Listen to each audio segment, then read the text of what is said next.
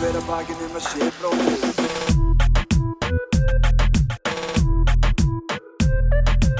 Fyrir hver að bakinn um að sé bróðir eigi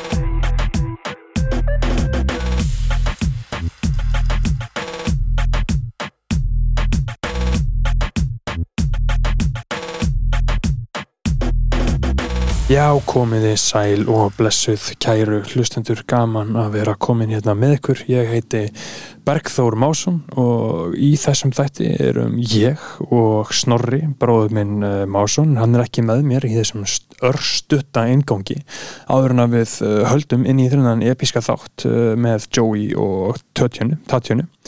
Um, áður en við förum inn í þáttinn þá er það bara örstuð kynning á okkar starfsemi patreon.com skástrík skoðanablaður checkja á þessu, checkja á þessu, checkja á þessu, checkja á þessu kotti áskrift uh, áskrift. Af þjónusta þú færð uh, auka þátt í hverju einustu viku kostar 5 dólar á mánu þetta eru betri þættir en þeir sem eru opnir almenningi. Svo getur farið í 10 dólar á mánu og þá getur fengið að til dæmis lusta á þennan þátt á mánudegi. Bara um leiðu tökum hann upp þá þangað inn. Uh, auka aðgengi og síðan getur þú borgað 30 dali á mánuði og fengið nafn þitt lesið upp hérna í byrjun hvers þáttar.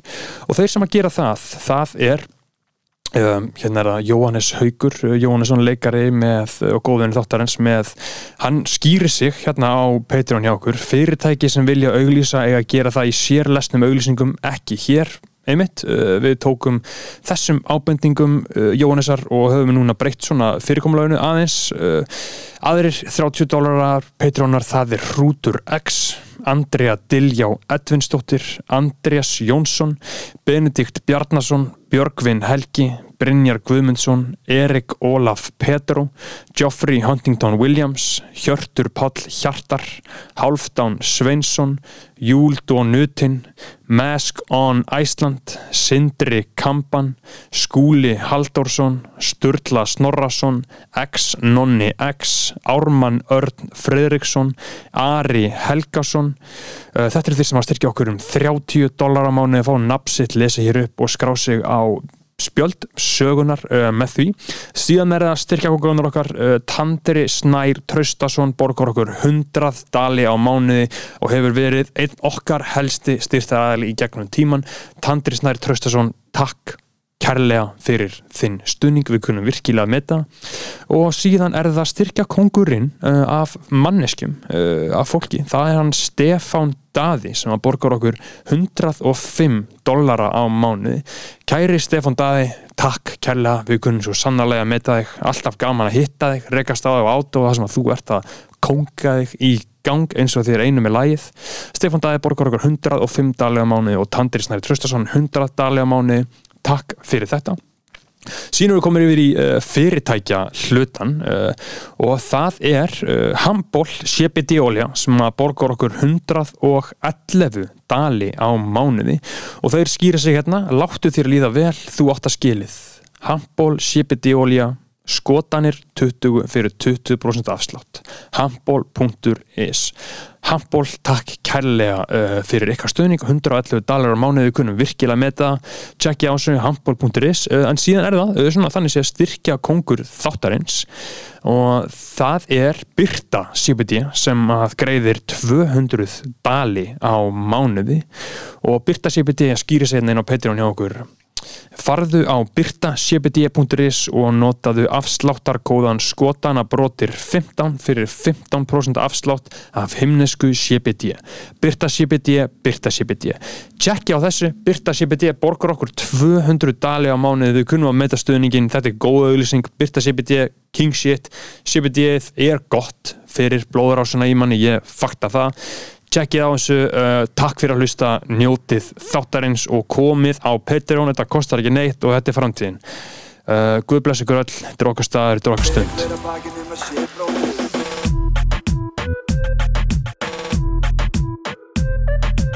Fyrir hver að bakinn um að sé bróðir eigi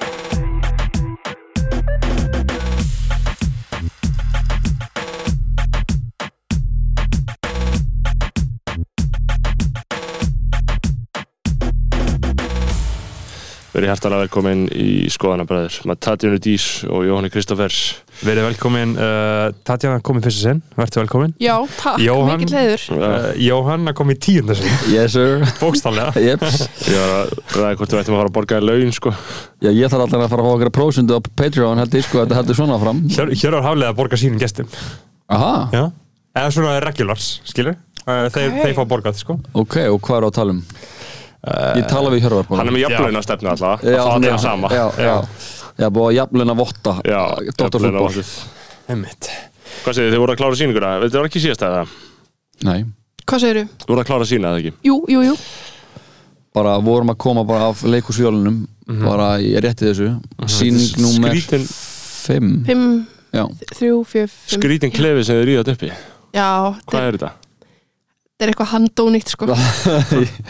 Já, þetta er Já, þetta er hann Þetta er gamla brúðuleikúsið Hann var hann að Bent sem var svona brúðumeistari í þjóðleikúsins Ágúst Bent, Já, Ágúst Bent Rottvalur hundur Róttalur hundur.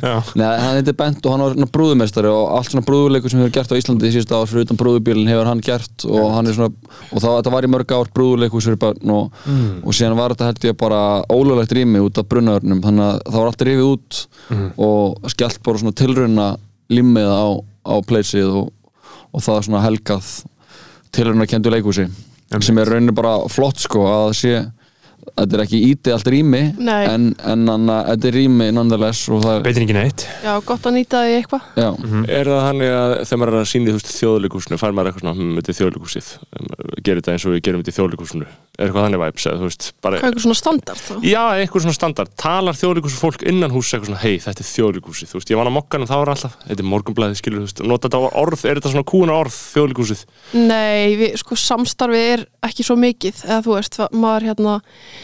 maður maður er búin, búin að vera svolítið einn á báti bara. Já já, það er ekki, ég held að sko að þessi, að, að þessi hlæðsla á orðinu sé meira sko áhöranda megin ég held að sé meira þegar þú lappar upp tröppunar inn í albíngu þá ertu að fá upplunna og þá ertu að fá svona þetta er morgunblæðið. Þannig að þetta er þjóðleikúsið Mm en fyrir fólki innan hús það er bara vinnustæður og Já. Fólk bara mætir í vinnuna og, og gerir sitt besta sko. Hald að standardin hafi farið upp eða niður með árunum? Orðið verrið að betra? Tanja, I'm not the one to say sko, ég fef allir í leikús Nei, Mhm. eðla, mjög leðilegt mjög leðilegt þess að- vegna hérna, er ég til? Já, Já, ég held Jóhann að getur einn svarað til um það sko. Ég held að þetta sé bara alltaf í rauninni sami disk, diskursinn bara nýja kynnslóðir mm. uh, við erum að ennþá bara við búum ennþá samhlega fólki sem fór bara á opnum þjóðlíkusins já, uh, og fólki sem var í yðnó og þannig að bara upphaf leikhús á Íslandi þannig að við erum Hvað er þau um gömul? þau eru bara alveg að degja Já, þau eru Já. bara, bara á klukkunni sko Já, já. þannig að any minute now en þannig að það, við erum ennþá svona við erum svona doldið sein í því Íslendingar og uh, eitthvað svona dót sem var geðut nýtt að nálinni fyrir nokkrum árum bara eins og þegar Englar Alheimisins er í þannig að Þorlefi setja það upp í þjóðlugusinu þar sem við var að vinna með framhandgerfinguna þú veist Þíska leikúsið og þá er það eitthvað dæmi sem búið í gangi mjög lengi þannig í Þískalandi og þannig og er algjörlega bara sprengir heilan bara sprengir heilan mér sko. Já, ég var minnist að síning Já, þannig að ég held að við séum bara einhvern veginn svona að rjáttlast og það er sviðshöfundabraut sem nýri listáskóla sem ég og Tanja vorum á er hvað, tíu árganga komnið þaðan eða eitthvað, tíu, allir, tólf. Já, og það er svona kannski ný, eitthvað svona fólk sem er með eitthvað svona öðru í sér sína á hvernig leikur svo að vera. Akkur allir alltaf að hugsa um endurvinnslunir í alltaf finnst svo öll listar, alltaf sýningar og all, öll lokaverkinni fjalla alltaf um endurvinnslu. Er það bara, er það bara minn bæjas að því ég vinn hjá aðna, liberal media að því ég er bitur fjölmjölamæður sko maður verður náttúrulega svo ógæðsla vók í listaháskólanum Já. Það tekur bara nokkur ára aflæra það sko. Já, gerist það við ykkur? Það kom fyrir mig sko. Er það ekki? Jú, það var bara erfitt að vera til utan búblina sko. Hvernig vó? Ég var alltaf að nexla Vegan, Já, veganismi og feminismi Já. og, og bara svona Afganskt þessi jáðsettu transfólk. hópar já, Já. ma, bara, þú veist, maður verður að vera meðdar um þetta allt já Og hvað maður Og sjálfur er líka im- segur um að vera í forhundahópi og svo framvegis Akkurat, og svo var ég í áfanga hjá mitt Karl August í sem Já. er hérna dramatúrkin í verkefni verkinu okkar Mhm. hann var með áfanga sem heitir Við munum öll deyja og fjalla bara um loftlagsbreytingar mm.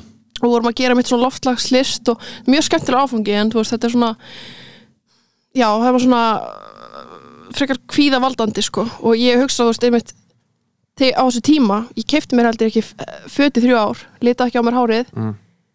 uh, þú veist Já, það er svona Ég- stemning að lifa sér þess að grotna niður. Já, og hérna þú veist, allt ég var kannski í bíó og tók þetta allt heim til að flokka. Ah, vá, já, já, já, já, og ef Ok. ég, þú Þú veist varst að þessi 100% backpack Já, fór ég að í sé einhvern henda Já, sá einhvern henda kannski kóklösku í rusli þá bara tók ég hann upp og með það heim sko. Það fyrir tíma COVID, maður myndi ekki gera þetta í dag. Nei, nei, alls ekki. En hérna, já, bara sárt að vera til sko. Þú veist, ignorances, bliss og allt það. Sko, eh, ég, ég velti fyrir mér sko að því mér finnst þið svo valla nokkur maður að valla nokkur manni á Íslandi sé umhugað um loftslagsmálun og ella á í fólki bara, þú veist, ég held að það sé bara mesta concentration af svona Ja, veist, það eru samt alveg svona fólk sem er í vísindum í háskólanum og er einhver svona hópum og eitthvað Já. svona, þú veist, mín stefna í loftasmálum hefur bara það kom inn að maður í þáttinn uh, til okkar. Uh, útskýra fyrir okkur að það væri búið að leysa þetta Nú, hver á það? Sigurbjartur Sturla Sigurbertur Sturla Já, ok Gott að Já, hann kom inn að- í þáttinn uh, og leta okkur vita bara að Já. það væri búið að leysa Það væri ekki lengur. að, að það væri uh, neikvæðni og auðmyggiskapur að vera að hugsa um þetta já uh, og síðan Ok. þá hef ég svolítið bara svona En, ok, en sko, Já. en ég, ég er mjög áhugaðsamur um stemningunni ella á í þetta og hvernig var þetta? Voru allir bara að, að dre- drepast yfir þessu?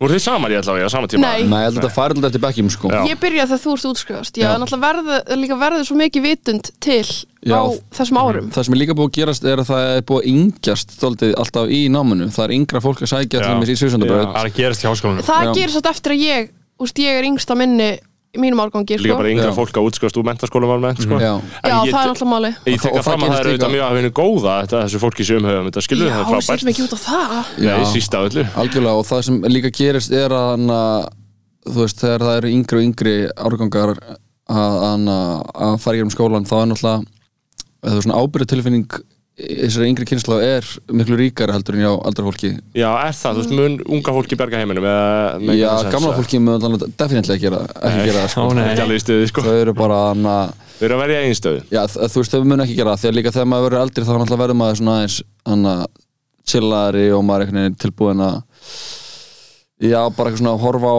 afstöðu annara og skilja hana frekar og, og þannig að ég held að hana, já, gamla fólki mun definitely ekki bjarga neinu nema sjálfur sér. Þarf ekki, þarf maður ekki að vera svolítið svona ósangjarn til að knýja fram breytingar, almennt?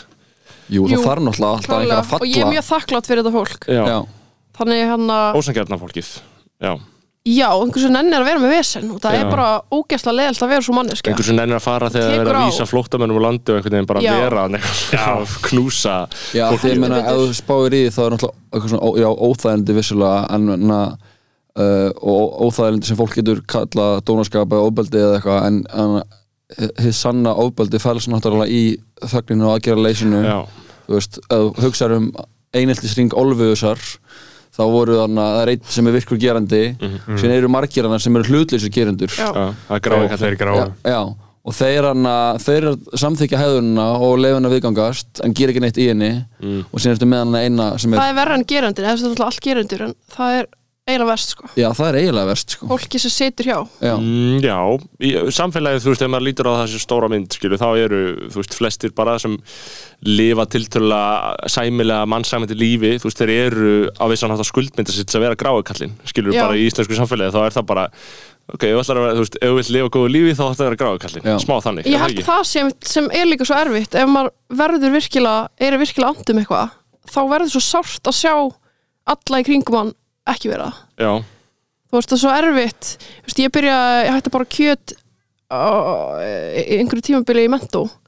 Og það var bara tók om ekki á. Þú veist að því að þú veist ég bara hérna með bóðin einhver kjúklingu skil og ég fór bara einn að bá loka mig á og grét sko. Mm. þú veist. Nei alveg, þú maður, maður, maður þú veist þegar maður er svo samofin þessu það sem er í raun að gera bara einhverju fokkin ógeðslega nýðslu á Já. kjúklingum þú veist, Já. fokk holda kjúklingur já, Hanna, það er mjög, mjög, mjög mikið að vera að pynta þessar lifandi verur, já, Mhm. það er fakt svakalega mikla pyntingar í gangi. já, og já, það er bara, það er erfitt að standa ekki á sama sko Já, ég, já og það er leiðilegt hlutverk til, a, til þess að vera í að hérna skilja vera alltaf eitthvað blammer aðra hvort sem það er í alvörinu eða bara allt í haustum þú veist, okkur Já. ekki fucking vatn það, til lífsins það og er erfitt að vera ekki sama þegar maður er meðvitaður, þegar það er búið að, að koma pillunni fyrir í manni sko. Akkurat. það er ekkert mál þegar maður er bara kýs að lifa í einhvers konar blissi, eða þú veist, bara ignorance is bliss, bara þú þarft ekki að ef þú pælir ekki í leðilegu spurningunum þá þá þarft ekki að takast á við að eitthvað svona afstöðu? Nei, nei, það er þarna loftslagslára ástæðna í Glasgow. Um helgina eru 50 íslendingar að fljú út. Já. Já, ok. Já, þetta er bara stærsta Já, megadæmi núna um helgina, það er á sundaginn, byrjar á sundaginn og Já. alveg svona, þú veist eitthvað, já, já, hvernig hefur staðið okkur gagvart Parísasáttmálunum og, já, þetta er bara stærsta síðan það var og allir mættir. Og þetta er svona alveg fyrsta mómenti það sem hefur bara tekið Parísasáttmálun sem snýst alltaf um þetta eitthvað. 1,5 gráða fyrir 2100 eða eitthvað svona, já, já. eitthvað svona tölur sem er ekki með alveg á hreinu uh, og þú veist, tónnin í öllum er eitthvað svona, já, við höfum bara alveg bröðist, uh, þetta er bara enga veginn fullnægandi uh, og svo er líka gaman sem er ske- skemmtilegt sem við byrja núna aftur í fjölmjöli sem var alltaf líka fyrir COVID og núna fljúa 50 út og þá snýst eða bara allir umræðanum að 50 að fl- sé að fljúa út. Já, einmitt, við maður að hugsa það sko. Já, Já, það er það fyrst sem maður hugsa það, er þörsögt sko. Og það er alltaf sem að gengur ekki upp. Ei, í þessu sem er svo rosalega sorglega getur, getur það lið ekki summað En þú Ég veist, það. Er- Ég er- samt mjög mikið fyrir að eru- út, sko. Eru, þú veist, stóru leittónir já, Er Sleepy Joe að mæta? Já, ég held að Sleepy verður örugglega fluttur á það með sjúkraflugi sko. Já, já. bara, kasta ég niður bara í, sko. í bara fallíf í svona bara sjúkrarúmi sprauta adrenalín í hann og láta hann standa í bara tíu skuttur Já, mætir hann eins og gælan sem var spinnetnum Já, í þyrlinni, það er að flýja flytina burt og hún hafði snýst í grilljón ringi og það er svo gæðið að A corpse in the White House. Á rosalegu, ég horfði á svona town hall fund með hann um daginn, það var klukkutími sko það sem hann átti bara að svara og það var bara, það var ekki hægt að feika. Það var bara getur að feika það var bara, hann var algjörlega farinn. Og þetta var á CNN og CNN þurfti að sína þetta allt. Þannig að þetta var algjörst klúður sko. Hann var bara alveg farinn sko. og hann sagði where am I? Bara where am I, what am I doing here? Það var bara alveg farinn sko. þið getur bara googlað bara CNN town hall hann gæti bara verið á ganginum hjá ömmu. Já, nei, nei, hann bara, ég, ég veit ekki hvort hann getur þrif, þrifið sig eða eitthvað svona sko. Hann er ömmu að pissa á karpið heima Já, já. Það er ekki spurning. Ég var að labba, var hjá ömmu að heimsækjana og hún er alveg bara skörp í hausnum sko þannig að bara slöpp í njánum og þannig að og ég er að labba út og ég er alltaf með sonur með mér sko fyrir að heimsækja og, og síðan kemur svona gömul kona sem er að stoppa mig alltaf þegar ég er að labba hann út og er eitthvað svona þannig að mér var búið í mathingað og ég er eitthvað, já verði þér að góðu og þetta gæti alltaf bara verið bara fórsett í bandar Jó. fórst í bandaríkjana Já, þetta getur að vera Dr. Jill Biden. Já, Já, æ, greið kallið Já, þetta er erfitt fyrir hann sko. Uh, En þarna, hvað ætlum við að tala um? Þau eru að gera sýningu. Að gera sýningu. Uh, Þau eru að gera sýningu Hún Hvernig hafa viðtökurna verið? Er fólk ekki alltaf lægi? Ég hló mikið. Að hverju hlæðir fólk mest? það er uh, mjög misjánt já, það er misjant það er svo skemmtilegt, alltaf eitthvað ólíkt sko. Já.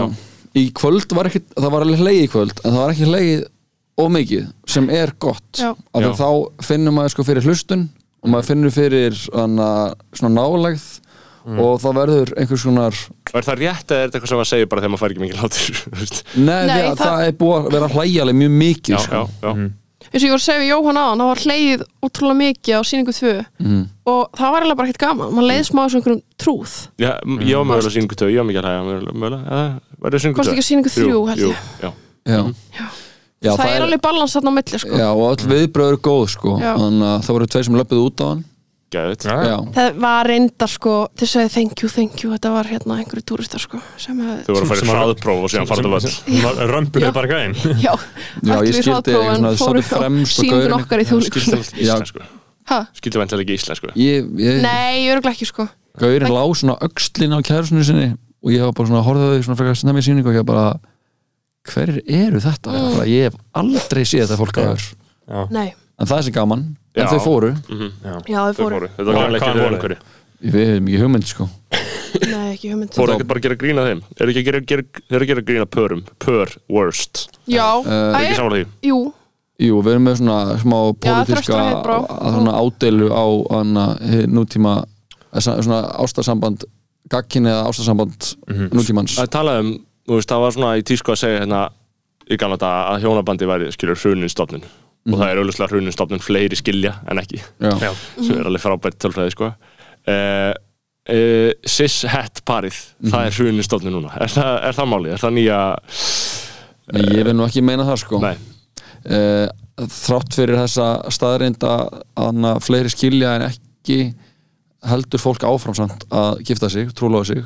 Ég er trúlegaður og, hana, og, og Já, ég myndi aldrei nú samt, þú, þú ert ekki giftur og búin að trúlega mörg ára eða ekki jú en ég ætla bara að gifta mig sem fyrst sko Já, já, en ég meina þið, þið trúlóðið ykkur allir fyrir mörgum, mörgum árum og svo klárið aldrei málið. Mér finnst það svona, er svona tö- töf á þessu, ámar ekki trúlóðið sig og gifta sig strax. þú veist, ég er bara með mitt drauma brúðköp sem ég verð að halda sem Já. verður bara fokkin mest legendary party sem þú hefur komið í Mér sko. verður ekki bóðið eftir þetta. ekki eftir þetta og hann að ég held að, að þrátt fyrir þessa tölfræði þá að sína þetta fram á að, að andinn sé ennþá í fólkinu sko. Að fólk sé ennþá að trúa fyrir að tölfræðin segir að það sé ómöguleiki Mm. þannig að ég vil líta svo á að jújú, jú, hrunin menna, þetta er ekki eins og þetta sé eitthvað, eitthvað annað hlutafélag sko.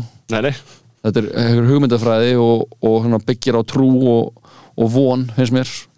Þannig að ég myndi bara segja að þetta lifir bara góðu lífi sko. Ástin, hún lifir sko. Hvað sem hann að sex negative skonabæðum kann að finnast um það sko Já, ég meina, þú veist, auðvitað Þetta er bara sem fólk gerir Já, þetta Já, er bara bókstæða já, sem fólk gerir Já, já. en sko, ég held að við Maxi meira að tala um sko að það er svolítið vitund um sko að uh, fólk hætti kannski fyrir saman uh, fólk uh, Á Íslandi þá? Já, Já. þú veist, að, að sko parsambandi sem þau eru að gera grínað sko uh, að þau hætti kannski fyrir saman, eða hvað? eða þau hætti ekki saman. Sem er eiginlega eru verða. alltaf, já, þau hætti ekkit saman. Þetta, hefur, þetta er ánægilegur endir þarna, Mhm, í þessar senu. Já, En Já, ég veit það ekki. Við bara, þú veist, uh, hafið séð pósterinn á upphafi? Á upphafi? já, Já, það- þarna það- s- sýninginu, sýningunni Já. í þörlugúsinu. Sem við erum sett að leika trailer fyrir hann, í, Já, hann nei. öskra bara ungt, Hvít fólk í sambandi sko. Já, einmitt Og þarna ungt hvít fólk í sambandi og hvernig sambandi er að gengur. Mhm. Akkurat Það er Já. þarna, það var vandlega orðað hjá ykkur. Já, Uh, þetta er mikið að list kannski núna, snýst um þetta, eða hvað? hvað ungt hvít fólk í sambandi Já, hvernig, hvernig gengur í sambandinu? Já, Allan upphaf. Já, menn ég held að bara þetta sem búið að vera alltaf lengi sko, Já. þessi premissa sko Já, ég er að segja það. Bara, og er það problematíst eða, eða er það það er eðlilegt? frekar að deyja út núna sko. Mér finnst alltaf vera að skeit inn einhverjum lesbíum og Já, af því að sko ég, ég, Nei, ég allar, allar Netflix-seríur, það er alltaf, það er allt lessur sko. queer, trans, Já. svart fólk, já. Já. Ég þarna, ég uh, fíla mjög mikið svona, þú veist, Berþór er ekki á sama máli, en bara romantíska gamandir, sem þetta snýst bara um, þú veist, Já. Karl og konu og þau þurfa að ná saman, skilur? Þetta er, þetta er gott mótel að list. Já, ég meina. Beggi dyrka út í allen Já, ég elska út, já og þetta er það eina sem hann fjallar um. Já, já, já, sko eða svona ómöguleikan einhvern veginn í ástinni. Já. Já, já, já, já, al algjörlega sko. Ég held- þegar maður bara hugsa um romantíska gammindir sko. Beggi Þú heldur veist, hann sé Snorri var betri- náttúrulega- hann að leggja mér orðið í mun þarna. Já, Notting Hill er drast. Nei, maður, Notting Hill er frábær. hún er frábær. Þú voru að horfa á hann aftur. held ég. Sá hann um daginn fyrir svona árið eða mæli með. Notting Hill. Og að Nei, þú veist, uh, þetta er öðruvísi svona hvernig Woody Allen gerir þetta á Notting Hill Það Ég er að það- segja það er önnur að lélega sko. romantíska gamandir eru góðar líka. Já, já, já, Þú ég, ert- ég, þú ég á fíla móti Það það er svona lélegum 50 first dates og Já, Fifty First Dates, uh, Love Actually, The já, Holiday, Já, já, ég jú, fíla ekki svona. reyndar. Nei, skilur? Nei, ég fæ, ég fæ ekki út Þetta er svona gott að horfa með öðru auga Þetta er Já. að maður sekkur sér ekki beint í Sko mér finnst bara Sleepless in Seattle anna, Einmitt. an, When Harry Met Sally Nákvæmlega. uh, þessar myndir 90s myndir sem koma uh, dálítið svona frá sama hópnum sam, Mhm. sama leikstöri anna, og síðan þessar bresku anna, Notting Hill, Forward Action Funeral Vist, mér finnst þetta bara frábæra myndir sko. og anna, og já þetta er svona feel good einhvern veginn en samt þú veist það er náttúrulega skemmtilegast þegar maður fær að sjá alveg manneskjur Já, og breytanir eru náttúrulega góður að gera það og sko. það, ve- það veltur yfir bara leikurinn um hvort að það komi, já, já, skilur, hvort hann líður þessu alveg manneskjur. já. Já, Um, uh, og um, svo er parið að horfa á Gísla Martin hjá okkur. já. akkurat Uh, Gísli hefur ekki enn látið sjá sig Ég var að bjóða hann að koma á síningu þannig að hann kemur vonandi um helgina Ég er búin að leggja mig alla fram í hverju einustu, eða síðustu þrjá sýningar og ég held að Gísli sé í salnum sko. Já, það verður ánægður að heyra þetta maður. og, og, þarna, uh, og hver breytir maður í hefðin sinni þegar maður heldur að gístum alltaf svísalum Maður bara rósa hann kannski ekstra mikið Já, Já. einmitt já, Hvernig það sé fyrir hann að sé alltaf að vera að nota hann í allt á Íslandi Er verið að því? Já, því- hjá ykkur og þéttingur hegðar og í leynilegunni Já, ok. skilur þetta er bara svona tvent sem ég sé sem er mjög nýlegt. Já. og Gísli Martin er svona smá punchline í, í öllu þessu Nei, menn, þetta er náttúrulega bara fylgið að vera bara hann stærsti fjölmjöðum að landsins Já. og, hann, og eitthvað svona svona byrtingar Já, ég meina Mynd fyrir- stendur fyrir eitthvað já, fyrir borgara Stendur í lappirnar. já, fyrir bara fokkin anna, eitthvað svona sín um, anna, um fallegt nútíma borgar Já. samfélag bara við getum lifað vel hérna Já. Það var svo ekki að viðtali við sem að viljum daginn í mannlífi Já, akkurát og það var eitthvað svona, þú veist hvað fyrir töðunar, bara spurningin var bara hvað fyrir töðunar, eða eitthvað svona, hvað fílar ekki? Ég held að það var bara, hvað fílar ekki? Og það var bara svarið var Gísli bara, Marteinn. Gísli Martin þetta lítur að taka á sko. Og fyrir sögni var bara sem er fílar ekki Gísla Martin ég var bara eitthvað, á þetta er svo góð fjölmilin Hefur, hefur sem vel farið í vikuna? uh, Þú veist, nei að- skilur Ég spáði mitt í því, Já, sko. ég, ég, er, er rígurinn á millið þeirra ekki. þannig að þið geta ekki hist að djóka það Þeir- lítur að vera Já, þeir myndir alveg djóka, þeir væri alveg playful about it en rígurinn er samt alvöru sko. Já, Þú veist, já. að þeir eru fundamentally þetta eru báðir menn sem taka þú veist, þú veist taka slægin já, taka slægin og taka skoðunum sínum alvarlega Já. að einhverju leiti Já. Svo Bubbi og Brynjar bara Já, þú veist, þeir eru ekkert að djóka með það að vilja ákveðna tegunda borg, Já. skilur ég, við, skilur, við, við fokkum við eitthvað væp og erum eitthvað svona, já, ok, þetta er 100% þú veist, það er rétt að í þessu argumenti en ég er samt ekkert, þú veist, ég lifi ekki fyrir það að þeir rétt að koma fram. En þeir trúa á það sem þeir eru að segja, sko sem er kannski nokkur svirði, en, en maður sjálfur er að lendi því að svona með aldrei það ætti maður að trúa hlutum og svona allan eins og þú veist, tala um, skilur, Já. þegar maður verður eldri. Og maður er bara, já, já, þetta er bara flott. Er svona, þú veist, ma veist, maður hvað er nennir heldur ekki að einhvern veginn að fara á krossin fyrir allt. Nei, Þú veist, ef, maður, ef ég ætlaði bara að vera á krossinu fyrir allt Þú veist, þá væri ég bara bara, ég gæti bara ekki funksjonað. Nei. nei. Og uh, þeir, þeir líka aðeins að taka fyrir samfélagsmiðla og aðeins að taka fyrir símana og svona, Já, það er Hvað svona- parið er í símanum, pöður Já. eru mikið í símanum. Já, þetta Já. er náttúrulega bara svona forsendan fyrir sýningunni. Já, þið byrjuðu svolítið þar eða eitthvað? Já, þess að segja sko formið á að endurspegla aðferðar og fagafræði snjallsímans. Ok, vorum að reyna að gera svolítið snapp í sýningu Mhm. uh, að því við vorum fyrst og fremst kannski að gera sýningu fyrir ungt fólk að reyna að höfða líka til þeirra ekki einungis en líka til þeirra. Og það er allir með einhvern, einhvers konar aðtilsprest á svona, já, áunin á þessum tímum. Þannig hérna, þú veist, við erum bara að reyna að koma, koma uh, til móts við þetta fólk og um, í forminu sjálfu þá. Með því að hafa þetta bara stutt. Já, eða sérst stutta senur. Uh, já, svona úr mikla einu tilbreytingu já, já, úr einu í annað. Já, uh, aldrei að leiða, þú veist, það er svona tempo breytingar, já. Þú veist, það verður eitthvað treyja fullt og svo bam, er tökum við ykkur úr því. Og ætla þessi svona sem leikús þarf kannski bara að verða að það er alltaf að tala um svona að laga sig að aðtilsbestinum, skilur Nei, ég held að það sem er ekki alveg rétt þá er það svo mikið meina- uppgjöf við því Já, Já, og skilur við alltaf þegar að tala um þetta þá er líka að tala um að fólk er að lusta á fucking fjóra klukkutíma á Joe Rogan podcast sko. já, já. Er það að taka þau samt öll í einu eða er það ekki að taka líka- ég þekki Já, nokkar sem taka, alveg, taka bara þrjú podcast í beit sko. já, já, já, já. Það eru vel skeggjaðir einstaklingar Já, ég held að sé Ég, bara ég held að flest content sé svona upplagt gert fyrir velskekkiða einstaklingar sko. það er hafa mikið samt fólki bara eitthvað með börnunum sínum og fjölskyldu sinni skilur Já, það er ekki hlust Að brosa hlæja. sko. já, já, Já. brosa, hlæja, dansa, í syngja Það er mjög fyndið Já, koncept. Dans og syngja. Já, en- með fólki sem þið þykja væntum Það en- er fyrir Já. hversum sem við gera.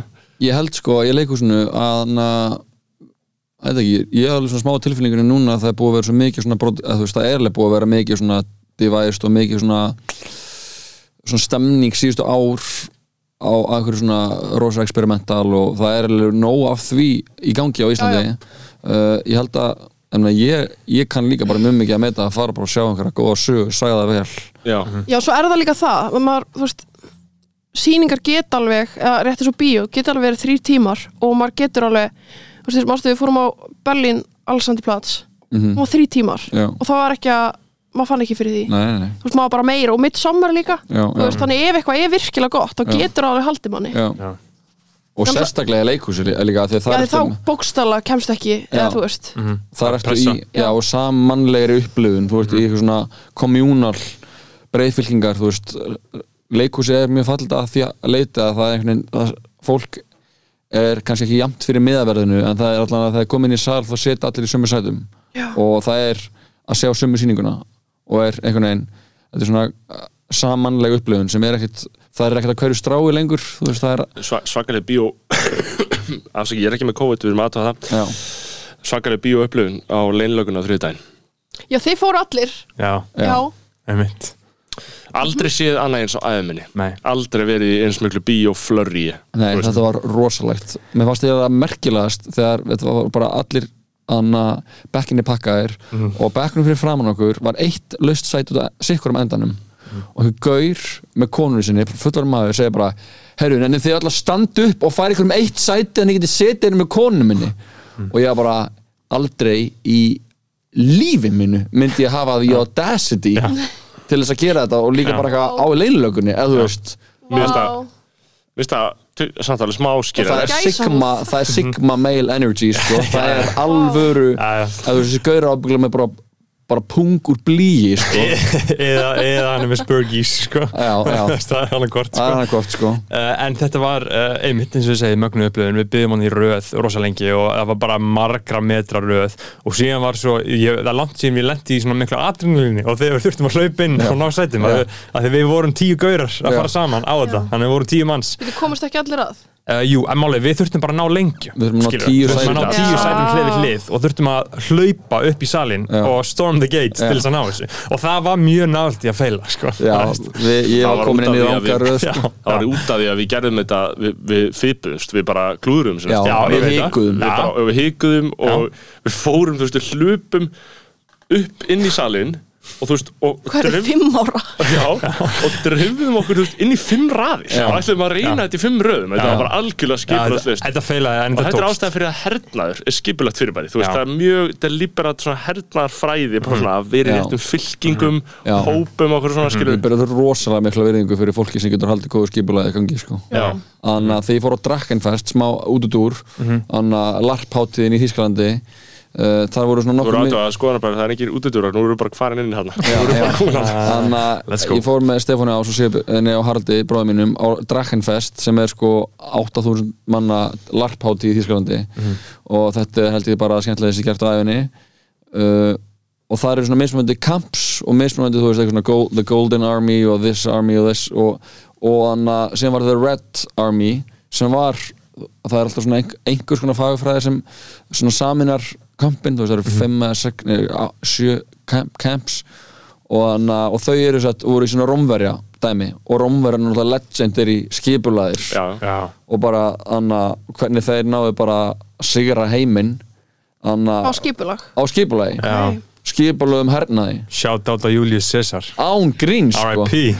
Ég tala, innskott, ég átti að heita Cesar Solon ef ég uh, hefði fæð sem strákur. Cesar Solon. Já, þá hefur þú farið í neyslu. Þú er Já, ekki er- er Og mamma sko, hún, hún tekka ekki kyni, hún var alveg viss að það væri strákur sko. Þetta sko öskrar langt og gott kringlutímabil sko. já, já. Þetta er svo tjúáa líka, Cesar Solon. Allavega, Sissa Solon, en, en heitir í staðin Tatjana? Tatjana, já, já, sem er sérstætt nafn. Já, ég skýrði í höfu á ömmu minni í Rúslandi Já, sem er rúsnesk, bara alveg einmitt. já, hlýtur að koma einhvers staðar þaðan Jú, jú, jú, Já. jú, já, þetta er rer uh, Þískaland, Draken Draken. Já. Þú varst þar Ég var þar Já, Cesar Solon. Já, og, já pointi var Rómirannir og skipula Já, Rómverjum skipulag, já, þetta Já. var bara svona smá Já. aðeins svona Já, þeir voru, hann var að tala um þetta í Succession í síðasta þetta eitthvað svona, ok, þetta er bara 323 fyrir Chris. Já, það Þú er ert í- finn, finnast aðri í öllu þættinum. Þegar Kendall er að útskýra þegar, uh, hvernig þetta var þegar Alexander Mikli dó og þá voru þau núna hérna og Conor öskur brosti. Já. Conor fannst þetta besta líking nokkuð tíman hann fekk samt bara í the rest of the world. Já, ég veit það, en hún fannst bara, hann Kendall bróðu sinu fyrir að gera þessa líkinga, það kom þér alltaf his, history buff. Já. ykkur, þú veist, romverjar, finnst ykkur það heitlandi pælinga? uh, Ekkert frekar sko. Nei, en þeir voru það að því ég held að, að þú veist, Ítalir er náttúrulega gersamlega sturlaðir í dag, að þú veist, ítalski kallmenn eru bara hann að eitthvað, he's, he, he's not a sex offender, he's Italian þú veist, jú. þeir bara búa í heima með mömmu sinni þar til þau þrítur og þá þeir eitthvað konu og flytja inn til hennar og vilja láta hana alveg sig upp. Ég hef sko aldrei fengið að mikið kultursjökku þegar ég lendi í Róm og það var heilt fótboltalið sem hérna þau bara voru að kveðjast og allir í famlegum og kissandi hvern annan og grátandi og Já, rosa fallegt. Fyrst skipt sem ég sé þetta aðeins Já. En þarna voru þeir, þú veist, Þe- og tilfinninganæmir og alveg sínu svona- tilfinningar og svona. en samt svona kannski kringum tvítugt. Já, en þe- rússar hafa þetta líka það, er sko, kallmenn hika ekki við að gráta. Ok. Já, ok. Er, er þeir ha, Eru rúsneski kallmenn? Hefur verið í Rúslandi? Mikið? nei, nei, ég hérna nei, ég þekki þetta raunin bara því að ég er, er að vinna í bíónu Mhm. og ég sendi hérna um, sett, hann er, hvað er hann, hvað kallast það? Hann er ekki djáttni hvað heitir það í kathólsku kirkjunni? Uh, yfir öllu. Nei, réttrúnaða kirkjunni uh, Klerkur. Ha? Biskup uh, að ég veit ekki, hann er í kubli, þú veist. Já, Já, það er einhver allavega, hlusta maður í kubli sem er, hann, hann rekur hérna réttrúnaðar yfir henni. Já, sendi hann og annan rússa sem sagt á vittlis mynd, það ætlaði einhver mynd með Hrafni Gunnlaugs. Mhm. vísaði mig orðið í vittlis sal. Og hann kemur út grátandi og segir bara "Eh, f- f- finnst þetta svo leðilegt að því þetta er uppbólsmyndi mín og mér langar svo að sína það og nú erum við búin að missa byrjunni já, og grætur. Grætur. Og það er svo honest, það er svo geggjað. Já, það, ég myndi ekki fara að gráta þessum og, ástæðum nei, og svo ég líka lesi mikið Dostojevski þú veist. Ok, ok. Að það sem sé maður skjóta gerir. því að Name drop. Nei, að það, er, það er, þú veist rúsneska sálin er svo sérstök sko. Já. og sko og þeir eru hei, með heitt blóð, róðna mikið. Ég hef alltaf róðna mikið. Og tengir alveg við sýtti sem er að gerast í Dostoevsky og gráti svona. rosalega já, það er, já, maður verður aðeins að teka tíma að koma sér inn í það sko. Já, ég, ég hef kvartað undan að ég jafnvel örglega þessum þáttum að Já, ég oft. skilji þetta ekki. Nei, það tekur smá tíma. Já, já.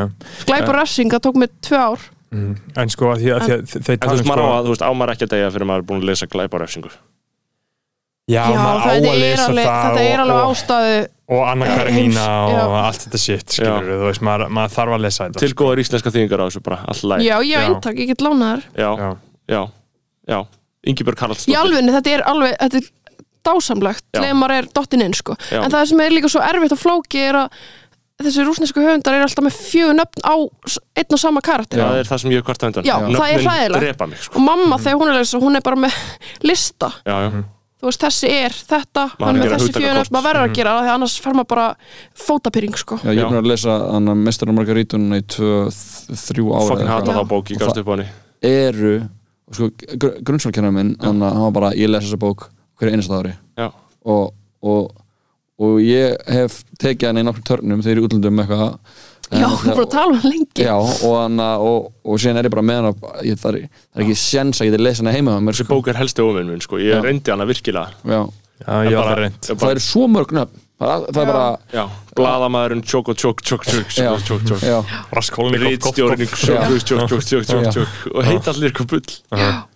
Já, en sko, að þið, þið talið um sko, það talið um sko, uh, sko Karlkins rúsneski búmerar. Uh, það er týnda kynslu rúsana uh, Býtu, segð þetta aftur uh, Karlkins, Já. rúsneskir baby boomers. Já, Já. þetta er svona 40 til 60, 40 Já. til 20 það er uh, týnda kynsluð uh, rúsana og voru eru bara allir sköllaðir þetta er bara, þetta er skemmt Já. allir bara þróa með sér bara brútal alk alkoholisma, er, er það að googla þetta sko? Þetta eru- Stríðsbörn, sko. Þetta, eru bara svona börn allar þessar ólust- sovjísku hermana Það Já. svo Já, margir bara sko. rauði Þú sko. Veist, þetta, þetta er eins og Gunnar Smári er alltaf að tala um. Það er rosa sko afskrifað hvað rauði herin gerði í setna heimstyröldinni skilur, hvað, hvað hann lagði mikla vinnu gegn Hitler skilur, Já, út ég- af því að Bandaríkin uh, og Breitland fá að skrifa söguna skilur, þá, Nei, ég þá, sá- þá, fá þau allt kreditið Ég sá einhvern mann, sko, þú veist, það var einhver könnun gerð uh, Það var einhver samanbörður Þetta var eitthvað á Twitter Og það var einhver samanbörður á, held ég, viðhorfi frakka Um það, sérst, hver uh, hafði úrslita áhrif á að vestrið að, að- að Hitler vann ekki. Hver, sérst, spurningi var bara, þú veist, hver skipti mestu máli í því að Hitler inni ekki og þú veist, beint þetta stríð þá sögðu bara 70% frakka eða eitthvað uh, rauði herinn, bara rúsneski og svo bara 2000 og- skilur 20 já, og já, sögðu bara eitthvað þessu. 12% frakka Já.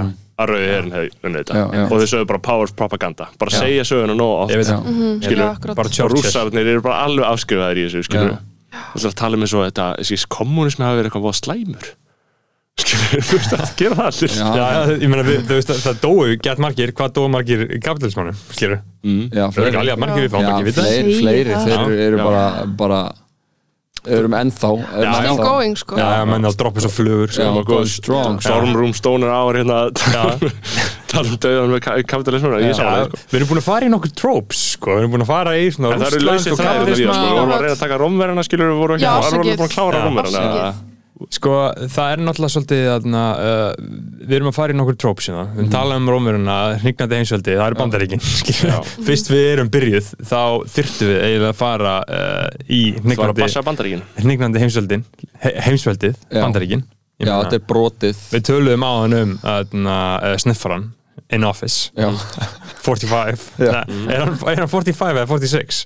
Biden? Númer 46, eða ekki? Já, hann er, hann er 46 Já, Sifjaði Jói, já. Já. nafni minn Uh, sko, ok, bandaríkin er kannski hnignandi heimsveldi Mm. þú veist, í efnahags og, og hernaðlegum skilningi og Ótrúlegt. menningarlegu En maður spyr sér menningarlega, eru þið ekki að framlega einhverja veislu, skilur, eru þið ekki að þá búið til aðal veisluna eða, eða hvað?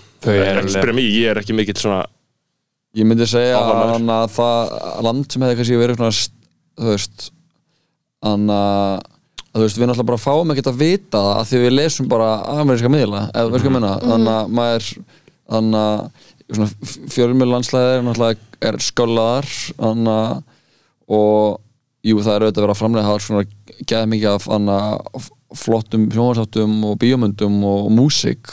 En að Kanada er alveg bara með stærstu listamenn síðari ára og brettar þessi bestu þætti sem er að horfa á eru skrifaðar að bretum og þannig að þeir eru bara einhvern veginn svona eins og þeir eru bara the United States þá eru, þú veist, eru það líka að því leita að þau einhvern veginn svona eru svona reglífur reglífur hattur einhvern veginn fyrir að rúmast margtana undir sem einhvern veginn er, er sem presentarað fyrir ameríska markað. Og þetta er alltaf bara gersamlega sköllað place, þú veist, en á sama tíma epic place, sko. Já, Já, já, the land of dreams. Þetta heillar. Já, Land of the Free myndu vilja búa í bandaríkjunum með það Uh, mér langar að fara á skiptinu á næsta höst sko. Mhm. fakt Mhm. uh, búar, ég meina ef að ég ætti ja, fínt líf þar og hér, Mhm. þá myndi ég frekka vilja eiga í bandaríkinu en hér, Ég skilur veit ekki alveg hvað, jú kannski í New York já, Myndi ekki vilja búa í Hollywood og ég var til í California bara- sko. já, ég var, ég var vel gemdur í Kaliforni, ja, sko woman wearing weather sko. Já, Já. það er ekkert, vorum við ekki að tala um það, það er ekkert að skapa það sko Nei, þú veist Það verður að hafa eitthvað smá myrkur og kulda. Já, Þú það veist, þú getur alveg búið það til innra með þér. Að erfið er að Já. skapa, þú veist, einhvers staðar bara eitthvað, Alabama eða eitthvað, ég meina, af því að það eru allir að grænda í Hollywood, það er allir bara, I'm an actor and I got a script Það and I'm a producer. Gefa það bara headshots, getur ekki hitt neitt annars en gefa þér headshots. Já, já, I got my headshots, put the headshots on the wall. pass them on to a casting director. ég, fíla svo mikið svona dark stuff sem kemur út úr þessu sko, eins og bara eitthvað svona Brett Easton Ellis Less Than Zero, skilur við, bara svona krakkar ríkir krakkar sem búa í Los Angeles. Já. Og bara super rich kids með Frank Ocean, skilur Einmitt, og líka bara að fyrir að tala um Flórida sem er algjörlega gessamlega möllbrotið fylki þannig að ég mæli mig að horfa á þannig að hvað heit þetta myndin þannig að sem gerist í Flórida Florida Florida Project. Project, Project og það er að koma ný mynd sem heitir eitthvað Red Rocket sem gerist líka hana fjallar um ok. gamlan kl klámmyndaleikara sem er að flytja aftur heim. Og það er bara gessamlega menningalega gjaldþróta fylki. sköllað. og, hana, og það er búið að vera geðveitt mikil uppsveifla í rappi.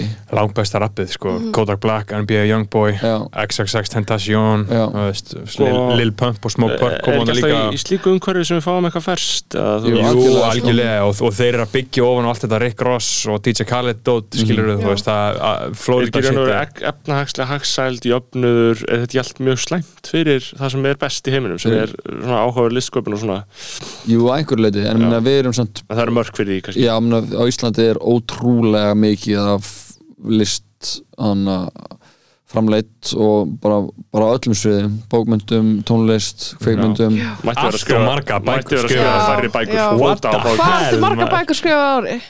Eitthvað verðum að skrifa færri Já. bækur í alveg bara þú þurft að sækja um að fá að skrifa bók og bara, að, Já. já, Ég ætti að vera svo listamannlaun, annarkvort færði það í gegn eða ekki. Já, bara mátti ekki gefa út bók bara já. prentsmiða ríkisins. Og Já. við myndum bara prenta þetta og við hefum eins Já, Ymmit þá væri það. Hann en það er hella hvað kemur mikið af skáldsögum sko. Já, já, og ég held að menn, þessi mjög svona myrk örlög að hafa þann draum í sér sko. Skáldsögur, er til, er til döðara og hún mun alltaf lifa sko. Já, það sem hún Sko, þetta, gerir þetta er er að alltaf hún sagt um allt dött sko að Já, er en, en mm. málið er að þetta er svo lítið instant gratification. Þú veist, þetta er ekki eins og að gefa út lag og Nei. bara sen situr þú bara og starir á Spotify for Artists þannig að appið og sér hversu margir er að hlusta. Þú bara gefur út bók og síðan bara fer hún og það er kannski rætt um henni í kiljunni síðan bara vonar að einhver henni upp eftir hundrað ár og sé bara, þessi bók, hún kjarnaði eitthvað. Þegar þú er bara döð, sko. Já, ég meina sko, ég fæ alltaf það er alltaf sko, ef þú ert með eitthvað fjölmiðlefni í gangi þú taka eitthvað viðtal eða þú ert að skjöka eitthvað og svo einhvern veginn, þú veist, næða ekki flug og er ekki nóg gott, þá segir já, ok, þetta er he allan heimild, já, já. þú, þú ert alltaf með það to fall back on Já, sko. Uh, og, og, og það væri alltaf svolítið leðilt að vera búin að skjöka skáltsu og hugsa, já, ok, þetta er alltaf, þú veist, það Ó, er veist, það er fátt sorglegra. Já. Hræðilegt. Já, ég meina, þið tvö eru í, eru í Tatjana og Berþór. Já. Einmitt. Uh, hvernig er það þar? Þú veist, er fólk að skrifa skáldsögur, vill að skrifa skáldsögur? Smásögur, smásögur, smásögur er náttúrulega nummer eitt allra versta.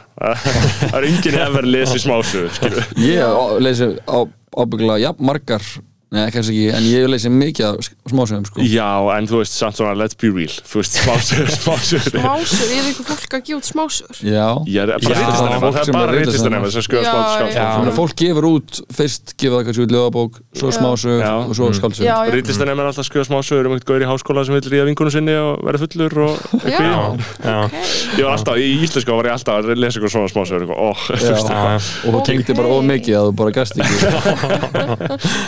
var þetta er auðvitað kjarnar einhvern veruleika en þetta er svona engin bað um þetta sko. Já, ég held að það er fólk byggðið um þetta. Ég held að það sé anna eða þú veist, fólk, fólk byggður ekki um hluti sem það þarf að heyra, Nei, þetta er það sem fólk var ekki að byggja um en það þurfti skilur. Já, einhverju Já, leveli já, bara, þú veist Já, ég meina, ég reyna að vera talsmaður bókmynda en ég er alltaf bara að reyna að vera raunsæð líka, skilur? Já, sko, þú veist, uh, hún, skáltsagan, sko, mun uh, aldrei drepast að því þetta er grunnform uh, sagna, sko, uh, og þetta er í rauninni ekki það gamalt að þið spáðið í því, sko, Nei. þú veist, rúsnesku meistararnir voru bara að skrifa þetta sitt fyrir 150 árum, max, Já, sko, þetta varð fyrst fest bara svona þegar fór Þú að líða á 19. öld. já, og, Já, akkurat, já, þetta var maður að læra. Mm. Skáltsagan kom sterk inn þá. Já, já, þú veist, ég meina, fyrsta íslenska skáldsagan Það hætti að vera afþreng, já, pjúr Það var meira, þú veist. Það voru svona þessi rómanar, sko, þú veist, og það, það, þau tala um að verður raunveruleg breyting á skáldsagnaforminu með þú veist, ákveðnum, ákveðnum svona skáldsögum sem hafa, þú veist, sérstaklega sem rúsnesku sem eru með einhverja auka vitt í sér sem er að Já. segja eitthvað annað en bara þessi saga, út af því eins og sko Tolstói var sko fucking sköllaður sko, hann, þú veist, byrjaði ekki að skrifa fyrir hann var þrítur, sko, fór í herin og var bara einhver brálaður óbilsmaður og þarna, uh, hataði fjölskylduna sína og bjó á einhverjum bæ og, hélt, og sko, skrifaði besta stöfið sitt þegar hann var sjötur, skilur og síðan var hann klikkaður og Og börn og, og elskaði og var kraftlýftingagur Ég var eftir að klára að lesa æfisöguna sem daginn Já, Já, já. hún er áhugaverð sko Er, er hann góls? Ha, Er hann uh, kongalegur, eða? Ljómar eins og það var hljómar eins og konu goals. sinni sko Já, Já, hann hann hataði hataði um það konuna í bókinni sinni. Nei, nei, það Nei, er ekki það sko bara þetta known ekki- fact, hann hata konuna sína Já, veist, hún var það er erfið, en hann er líka erfið Þú veist, Já. það er ekkert að elska hana mann sko. Hún var svona fær Já. Og hann- Líka börnin tekin inn og Já, og hann hugsaði um uh, skáldsöguna sem bara ekki aftreyingu, heldur bara eitthvað svona brútal list sem átt að breyta mann, Þeir eru líka svo góðir sko Ég er bara kjarna mannlegt eðli. Þú veist, það er stundum þeir eru svo góðir að lýsa tilfinningun sem maður getur ekki, maður skilur ekki sjálfur. Maður hefur aldrei Mhm. leitt, maður hefur ekki orðaforðan í það. Nákvæmlega. Þau skilja og, og skilja sko mannlega langanir með slíka Já. lagsnes góður í því þú veist það er einhvern veginn hann skilur hvað fólk vill í lífinu. Já. bara þú veist einhvern veginn Er það ekki bara gott skáld sem er Jú. að kjarna eitthvað sem maður sjálfur eða svona hinn venjulegu maður getur ekki gert? Jú sjá í gegnum hvað fólk vill sko. En sko fyrsta skáltsagan sem kemur út hér Það er langa, langa, langa, langa við okkar. Já það er langa langa langa langa af okkar. Já. Jón Tóruðsen Skrifaði fyrstu íslu hún skáldsöguna er ekkert það leðileg Nei. hún er bókstæðlega Nei. vel læsileg. Hún Það er um nokkuð gauður sem er í háskólanum sem langar að ríða vinkunum sinni.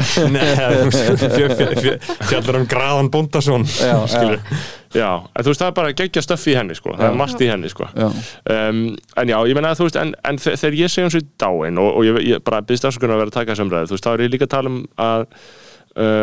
þú veist, hún er ekki að, að, að bylta samfélagum lengur, skilur, er það ekki, er það ekki eitthvað annað sem er að gera það núna? Það er bara svolítið svo erfitt að segja að fylgjast með því, ég held að sko, uh, þú veist, þegar Lagsnes gefur út sjálfstæðs fólk, sjálfstæðs fólk þá er hann ekkert að bylta Íslandum leðum kemur út það tekur nokkur er ár samt alveg smá verið að því Eða svo svona- ég held að það taki nokkur ár Já, já. ég held að það taki ára tug ég að það sé mjög erfitt að bylta í dag af því það eru svo sterk öll að verki til þess að Já. kúa niður alla byltingu og all, Já. alla mótspyrnu Mhm. Þú veist, það er bara að vera að reka hennar fjölmiðla Mhm. í miljardatapi á ári Mm.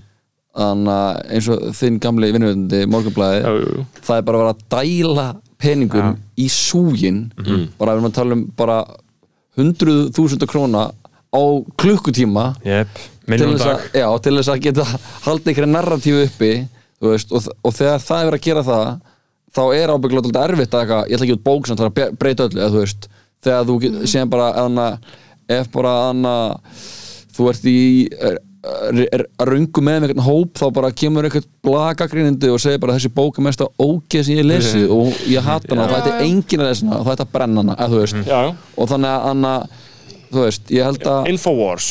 Inf já, meina, klálega, Já. engin spurning. Þannig að hefur einhver list þessi áhrif? Getur hann haft þessi áhrif?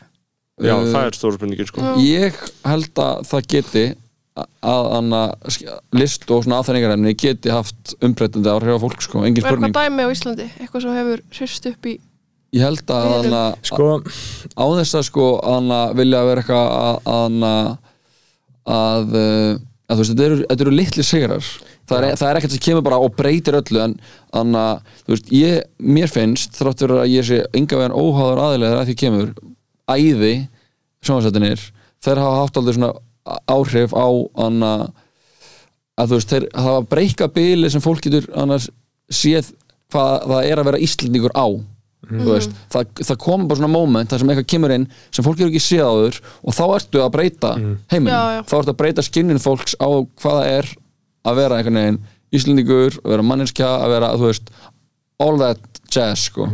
Og hann ég held að sé alveg komið reglulega út hann list sem hefur þessi svona umbreytandi áhrif sem eru sem eru samt svona subtle, þú veist, þetta er ekki eitthvað svona það er ekkert sem kemur út og bara maður bara já, nú förum við út og nú förum við og hann þú veist, það skrifur engin bók um loftlagsmál og allir bara fara bara út með fokkin skilta Greta Thunberg bara og Nei, þetta, þetta, þetta, þetta er rosalegt, rosalegt lang, langhlaup sko. og, og, og ég held þetta virki svolítið þannig að virkilega góð útpælt merkingar þrungin epísk listaverk. Svolítið hækki bara meðvitundastíðið hjá fólki jafnt og þétt bara svona hægt og rólega bara Já. já, ok, þe- þe- þetta, er hægt. Til dæmis hafið séð að There Will Be Blood nýlega? Paul Thomas Anderson myndina og Nei. Olíumyndina. Nei, ég hef ekki séð nýlega sko. Sko, uh, ég horfði á hana aftur um daginn og það er bara svona fucking ógeðislega gott fullkomið listaverk Mhm. af því að þú veist, hver einasta sena hefur einhverja merkingu, það er verið að segja eitthvað með öllu Mhm. til dæmis þar, þú veist, það er rosa góð bara, al, góð svona allegóra fyrir kapitalisma og svona, og kvótakerfið á Íslandi sérstaklega, þú veist, Mhm. hann mætir heim til fólks, það er ólja það er ólja undir, mætir að fátæka bóndabæ og bara já, ég ætla að kaupa bóndabæna ykkur skilur, Mhm. og borga þeim skilur 50 dollara og síðan græðir hann 50.000 miljardar dollara á því. já. og svífur þau og kúar þau og verður síðan endan ríkur og verður síðan gæðveitt óhamgisamur og hræðilegur og svífur són sinn. Og þetta er alls konar svona dæmi og ég held að með einhverju svoleiði stóti í, sko, uh, í sögum einhvern veginn, þá ertu svolítið að hækka bara meðdundastegið hjá fólkinu sem að í rauninu horfir á þetta. Og það getur því, síðan að plæja því á sitt eigi líf og skilið samtíman aðeins betur Já. og geta hort framhjá rugglinu og bullinu og drastlinu sem að eh, er verið að fýta mann ákveður með þess að degi Já. eins og vorum að tala um ef við, ef við sörklum tilbaka í leynileguna skilur Mhm. þá er það með fullri verðingu fyrir þeim sem að koma að þeirri mynd skilur þá er Mhm. það augljósmynd sem hefur enga merkingu í neinu sem að er gert skilur og það er efnið sem að er búið að svolítið skilir það uh, íslensku þjóðuna til þess að fíla Mhm. af því að það er mjög auðvelt og mjög basic. Þarna er ekki verið að hækka neitt meðvitundastig eða hreyfa við neinu eða segja fólki neitt nýtt. Fín afþreying, auðvitað eins og margt annað, Já. eins og ég segi með fullri vinningi, ég ætla ekki að fara að svífira þá sem að gera þessa bíómynd, fólk nei, að þessi hafa gert hana. þessi mynd gerir bara það sem hún ætlar að gera. Einmitt, einmitt, en, þú veist, en hún er gott dæmi um sko, segja neitt eða gera neitt. Nei. en framlega sem að segja eitthvað og gera eitthvað ég held að þær hafi raunverulega áhrif til lengri tíma. Já, bara, ég held að sé svona spurning um bara svona litla núansa. Eins og bara, nú voru að gera sýninguna okkar, Mhm. þannig að í þjóðleikusinu og þannig að það kom bara í gær kom hann að vinur minn upp með og ég var að hugsa um hana í gær og fyrir dag og hinn, Mhm. ég var að hu- hugsa um hana og hvernig meginn sem degi, eitthvað svona.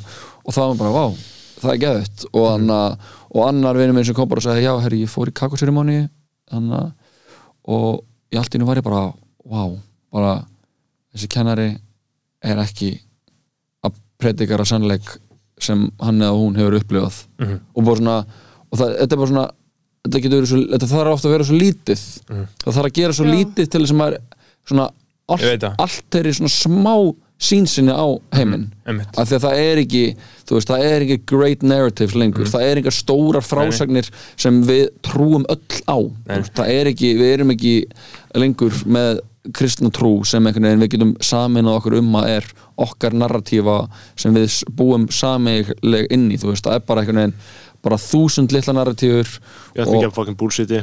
Já, endurstu búlsiti og allir einhvern veginn orðnir snillingar og eins og þið voru líka eins að þú veist að adressa í mitt í þessari síningu, þú veist, það er mikið að bullshiti þú veist, kakódæmið. Mhm. ég og Já. nú fengið á óþau frá kakóstyðjandi fólki þegar við tölum ítlum kakóið þeirra það málið? þau eru viðkvæm sko, kakófólki Já, ok, maður passa orð sín. Meina þegar voru að gera síningu, þú ert búin að skæðinni við erum í sýningunni, þú veist, við erum einhvern veginn auðvitað er þetta eitthvað svona okkar órar sem við erum eitthvað svona fjallum með eitthvað svona þetta, þessar personur þröst og heiðbrá í eða þú veist, með en þannig að við erum svona, við viljum ekki vera einhvern veginn að dæma segja fólki hvað það á að gera, hvað það ekki gera við erum bara einhvern veginn að- vinna úr upp, upplýsingum á þann hátt sem við kunnum þú veist, Já. sem er í bara eins og þið berast okkur, ég meina það getur vel verið, vel verið, það er okkur bara þannig að fólk er að drekka kakó í þú veist, og njóta góðs af en Já, þú veist, bara- það sem byrtist okkur og var svona okkur á vegi á í þessu ferli, var bara rosa mikið þetta kakótræpa á samfélagsmiðlum og það er einhvern veginn svo ótrúlegt að vera í svona, svona mikill núvitund vera svona uppljómaður Mhm. en geta ekki hægt að uppdita fólk hversu uppljómaður þú ert. Mhm, þú veist, það er náttúrulega er hræsni hræsnarinnar. Mhm. uh, og þetta þarf að dressa það. En minnst það líka svolítið fyndið, þú veist, ef þú hugsaður um fólk sem er á því væpi er að gera þetta. Og maður er, þú veist, það er allir með einhverja í einhvern veginn Instagram feedinu sín. Annarkvort bara einhvern sem að þekkti í gamla dag og síðan bara snérist og er bara þess vegna er hann í feedinu manns skilur eða þá bara því maður hefur byrjað að fylgjast með þeim að því að þau eru á kafi einhverju búlsiti um, þú veist það sjá allir sem er ekki á kafi í þessu búlsiti hvað þetta er mikið búlsit það er allir bara eitthvað oh, þetta er fucking crazy já, því ef þú væri að shit." gera þetta í innrúmi þá væri þetta einhvern veginn Þú veist, það er akkur er þörfin að sína akkur er það að sína það? Já, af hverju þetta sína, ég meina, erum við Þú veist, einn og einn kakóbolli, allt í lagi en, Já, ég meina, þú veist, það er alltaf að sína væpið Já, já. þetta er að því að það er búið að smíða ramma sem anna, samfélagsmiðlunir eru og, maður, og fólk er bara með svona er með svona misríka þörf í að mála innan þess ramma. Og það eru bara ekki að margir sem eru bara já, ég verð bara, þú veist, mér er bara svo gaman að sína, sína frá þeir sem ég er að gera. Mhm. mér er bara gaman og, og fá ábygglega held líka viðbröðum við því, það er held líka fólki sem bara, að, vá, gæðvett, til er þetta næs. fólk er ótrúlega, sorry, smá einskot það er ein hérna stelpa á Instagram sem er búin að vera að posta rosa mikið posta svona við og við myndbandi á sér að læra og hún svona fast forvarta skilja að ekki, læra. Jú, er hún að læra er í tölvunni og tekur, tekur upp eins og gælur Já, gera ég- jóka og taka ég- það upp ég. Og hún fekk komment fyrir nokkur dögum að þetta sé svo inspirandi fyrir fólk. Það hafi verið motivational og svona Mhm. print screen bara hérna, hæ langa bara að láta þið vita ég er búin að vera svo ógeðsla þunglind og kvíðin og búin að líða svo illa og bara þessi vídeo að þér að læra fastforðu vídeo Já. þú veist að þetta sem við erum að dressa var eitthvað svo fokkin kjaftaði Já, þetta er motivational, þannig núna ætlar hann að taka sá og posta meiri fastforverðum myndböndum að sér að læra að það er að hjálpa fólki fram úr rúm, rúminu á mótnana þetta gerist oft líka, sko, að fólk finnur svona, veist, það er einhver einn sem sendir svona svar Já. og þá er það orðin réttlæting, sko, Já. fyrir því bara Já, og menna, en, Já. er, er það það ekki bara valid? Jú, Já. er að því að, Já. við, er, við erum ekki með st- great narrative lengur Já. þannig að það er bara, heyrðu það er hérna þrýr sem voru virkilega að væpa með því sem ég ætla að gera já, já. ég er orðin andlegu leiðtói þessu fólks já. En, en, en, en þess vegna líka, þú veist, þegar ég er að kritisera þetta, þú veist, þegar ég er að segja, já, hvað þetta er fucking ömulega mikið drast, þú veist, bara Já. þetta dæmi Já. bara hjá þessum, til dæmis ímyndaði einstaklingi fyrir mér, en þess að ég veit ekki hver þetta er uh, þú veist, og, og þú segir, jú, er þetta ekki alveg valid? Og ég segi, jú, ég menn þetta er valid. Mhm. en mér langar samt að standa hérna og segja þetta er fokkin asnalegt. Mhm. hvað er það, hvaða þörf er það, skilur sko, af því að við höfum líka þá þörf. Já, þið já. gerir leikrit öðrum þræði bygg, byggt á þeirri þörf. Já. bara, en- þetta er fokkin asnalegt Þa- þa- þetta er svolítið áhugavert við sko þessa uh, tvo miðla sem að hafa svo mikil áhrif á samfélagi sko. Uh, því þetta er alltaf Instagram skilur uh, og það fer ekki fram umræð á Instagram skilur Nei. uh, allt sem að fólk gerir á Twitter það er tilbúið, það kemur einhver að svara Já. það segir einhver eitthvað um það, en á Instagram þá gera bara allir sitt í sínu hotni Já. og það segir engin neitt Nei, skilurðu. bara sína mynd. Já, það myndi aldrei neitt kommenta við hei, wow, þetta er ekki lægi það fer ekki umræða fram. Það, það, það, kemur alveg fyrir. það, það kemur fyrir, þá þarf þetta að vera eitthvað svona og þá er það eldfimt og þá cancelable Já, skilur, já, þú já, veist, já. Það, það, það kemur ekki en á Twitter þá er þetta bara uh, allt. Ég, sko, ég hef aldrei verið á Twitter og ég hafði ekki hugmynd í sumar, eða í vor þegar hérna ákveðin hluti voru að gerast. Mhm. það bara, ég hefði Nei, það nei, ég bara hafði ekki hugmynd sko. Mm. ég held sé mitt þetta lítur út fyrir að vera svolítið kvíðavaldandi umhverju sko þetta er það, ég og Jó erum out the game mér finnst nú erfitt að bara fucking Já. posta kollab í story skilur, ég fer bara að hugsa hvað Mhm. Gunn út í bæ finnst nú, þykir nú það einmitt. Þú veist að ég væri að setja ykkur að fucking skoðanir á sko. já, já, hryllingur sko. og þú þurftir Já. að býða eftir sko lækurum Já. já. en ég er samt ekki tvittu þannig að skipt það er ekki svona, þú þarft ekki mörg læk nei, nei, ha, er þetta ekki maður hendur út Ekki og þrjú Nei, læk nei.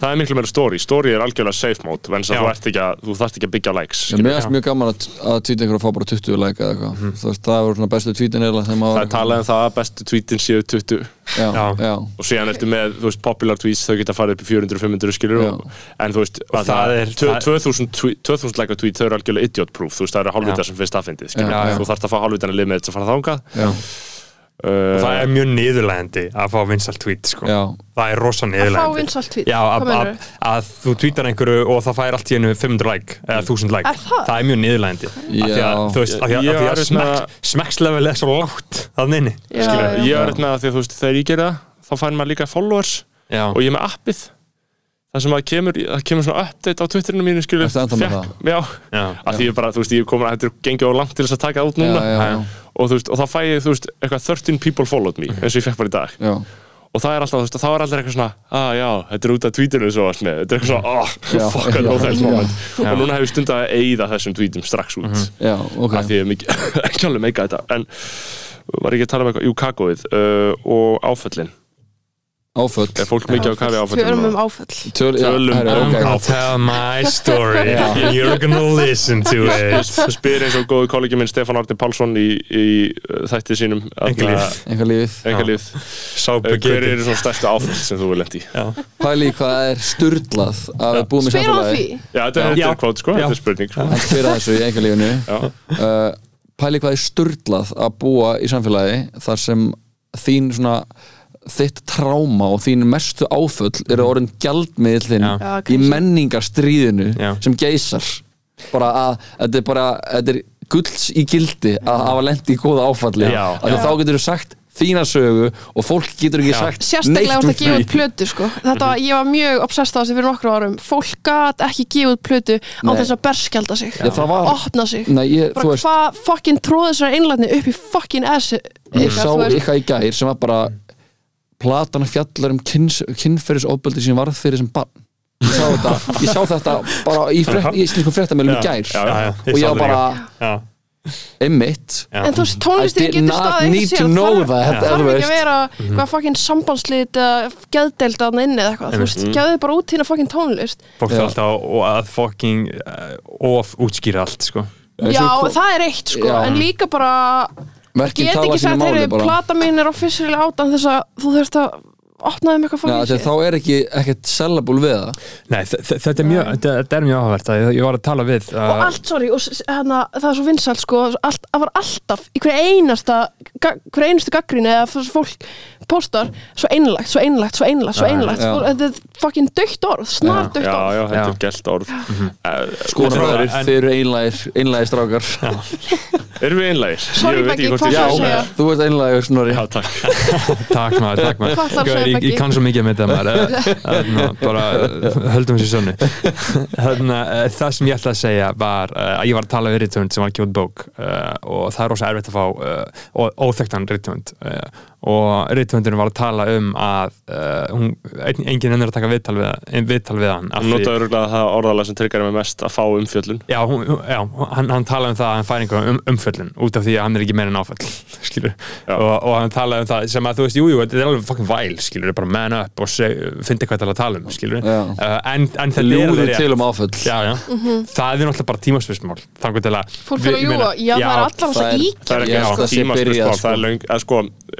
færi stílinn Já, já, já, af því að við, Það er enginn að fara að ringja þig. við, við, við það enginn að sjáum náttúrulega af því að þín upplifun er þín upplifun Já. hún er sönn í sínu. Já. fólk sem er sko virkilega lent í áföllum það langar ekkert að tala um það. En fólk sem hefur, það er eitthvað svona minniháttar það er endalust hjakkað á því þú Já. veist. Já, Af því að við, og við sjáum náttúrulega, við sáum það bara núna í kostningunum sko, uh, bara þú veist hvernig menn já, svona, svona, svona nýjir, svona ný kynslu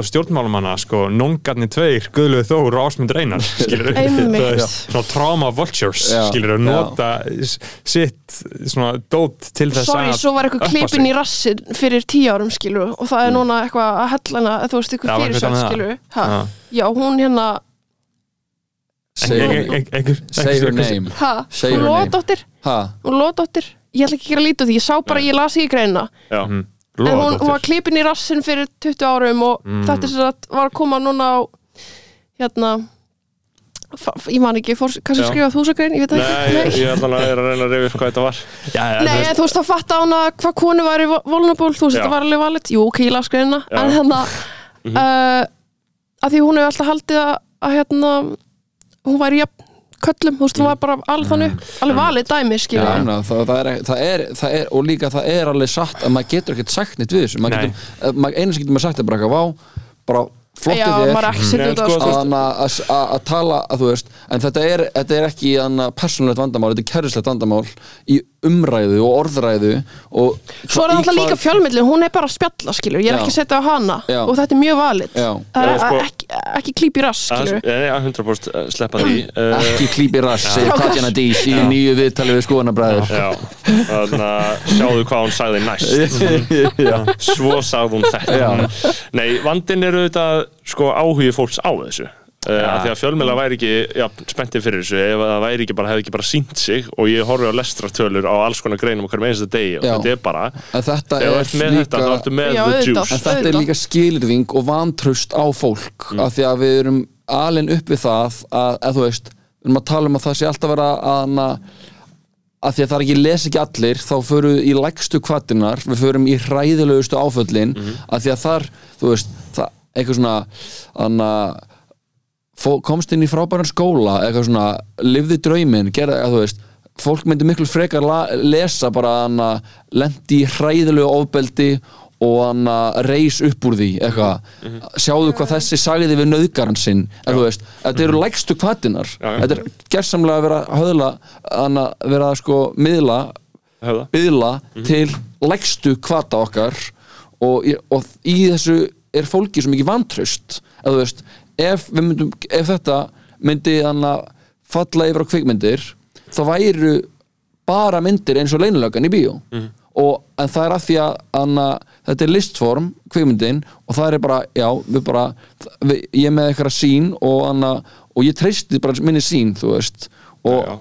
Nei, enda fjöllum, fjöllum við fjölmjöla líka um 90% allt annað sitt en þetta er bara sitt sem stendur upp úr. Ég veit það. Skilur og það er hættulegt þegar þetta er alltaf bara það mestlis þetta er alltaf bara grein dagsins það er bara áfall dagsins. Já, já, Herri, ég sagði, ég sagði logadóttir, ég ætlaði að segja frost, ég var að hugsa um frost og loga. Já, Kristján kannski bara- Frostadóttir Já, Já, Já, Þið skildu mig eða? Nei, Nei, Nei, ég það var einhver lót já, já, ég já, var bara, hvað, hvað? Já. Sjátt á frosta lofa. Sjáta það frosta lofa. Kjóngurinn Uh, já, en ég meina, þú veist, áföllin uh, fólk er líka að vinna úr þeim og það er kannski bara flott, skilur Já, menn, það, það er frábært.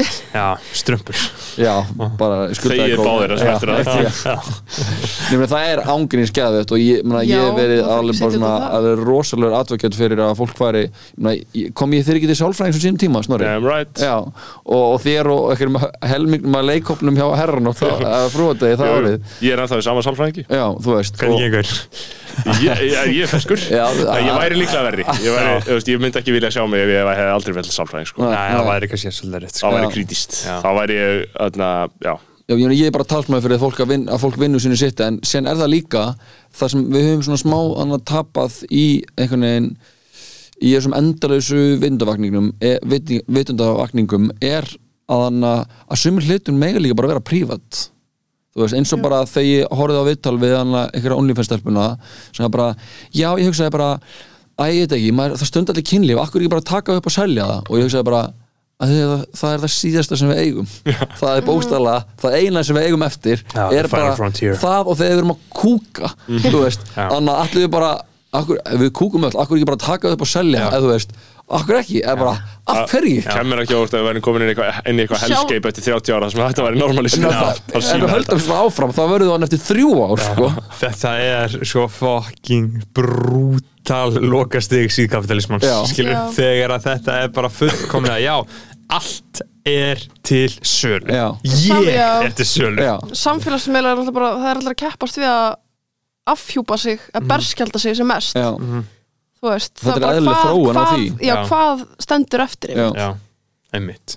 Bara já, Nú myndbandum er það sjálfsfráin kvenna. Já, Já, já, sjálfsvæðan hvenna Já. já, hún kom sterk, sterkir núna sko. Já, ég anna, er að sjá okkur að gælur sem anna, anna, er alltaf að láta myndir að sér þegar hún er nýbúin að fróa sér og fá það að bara posta á Instagram. Ég bara kú, ég kúast að hugsa um þetta. Já, og þetta er bara eitthvað svona anna, og já, ég var eitthvað að- spjalla við hann Tonju og Hákon upp í leikus ég bara, ef Gauður myndi gera þetta það væri, það er engin kynfyrslega áriðni já, það Lock bara him já, up. já, lock him Já. up eða, þú veist, það er Það er rauði engin fáni þarna, Hérna sko. after engin- masturbation glow Já, Nei, já, hvað? já, Jú. bara, jú, anna, jú, bara með, eitthvað masturbation glow Já. eitthvað, Já. bara einhverju gaurar Já. bara eitthvað fucking fappa og kömma Já, einhverju fucking brefklút og síðan er Já. bara eitthvað mynda Já. mér bara ég var að, ég var að kömma Já. og maður er bara uh, Þetta bara, glóð. új, þannig að bara þetta var koncept á sínum tíma after sex selfie, after sex, já, það er strax annað þegar þá er að gera er, með það er smá húmor sko. Já, það er after sex, þú veist, en þú er bara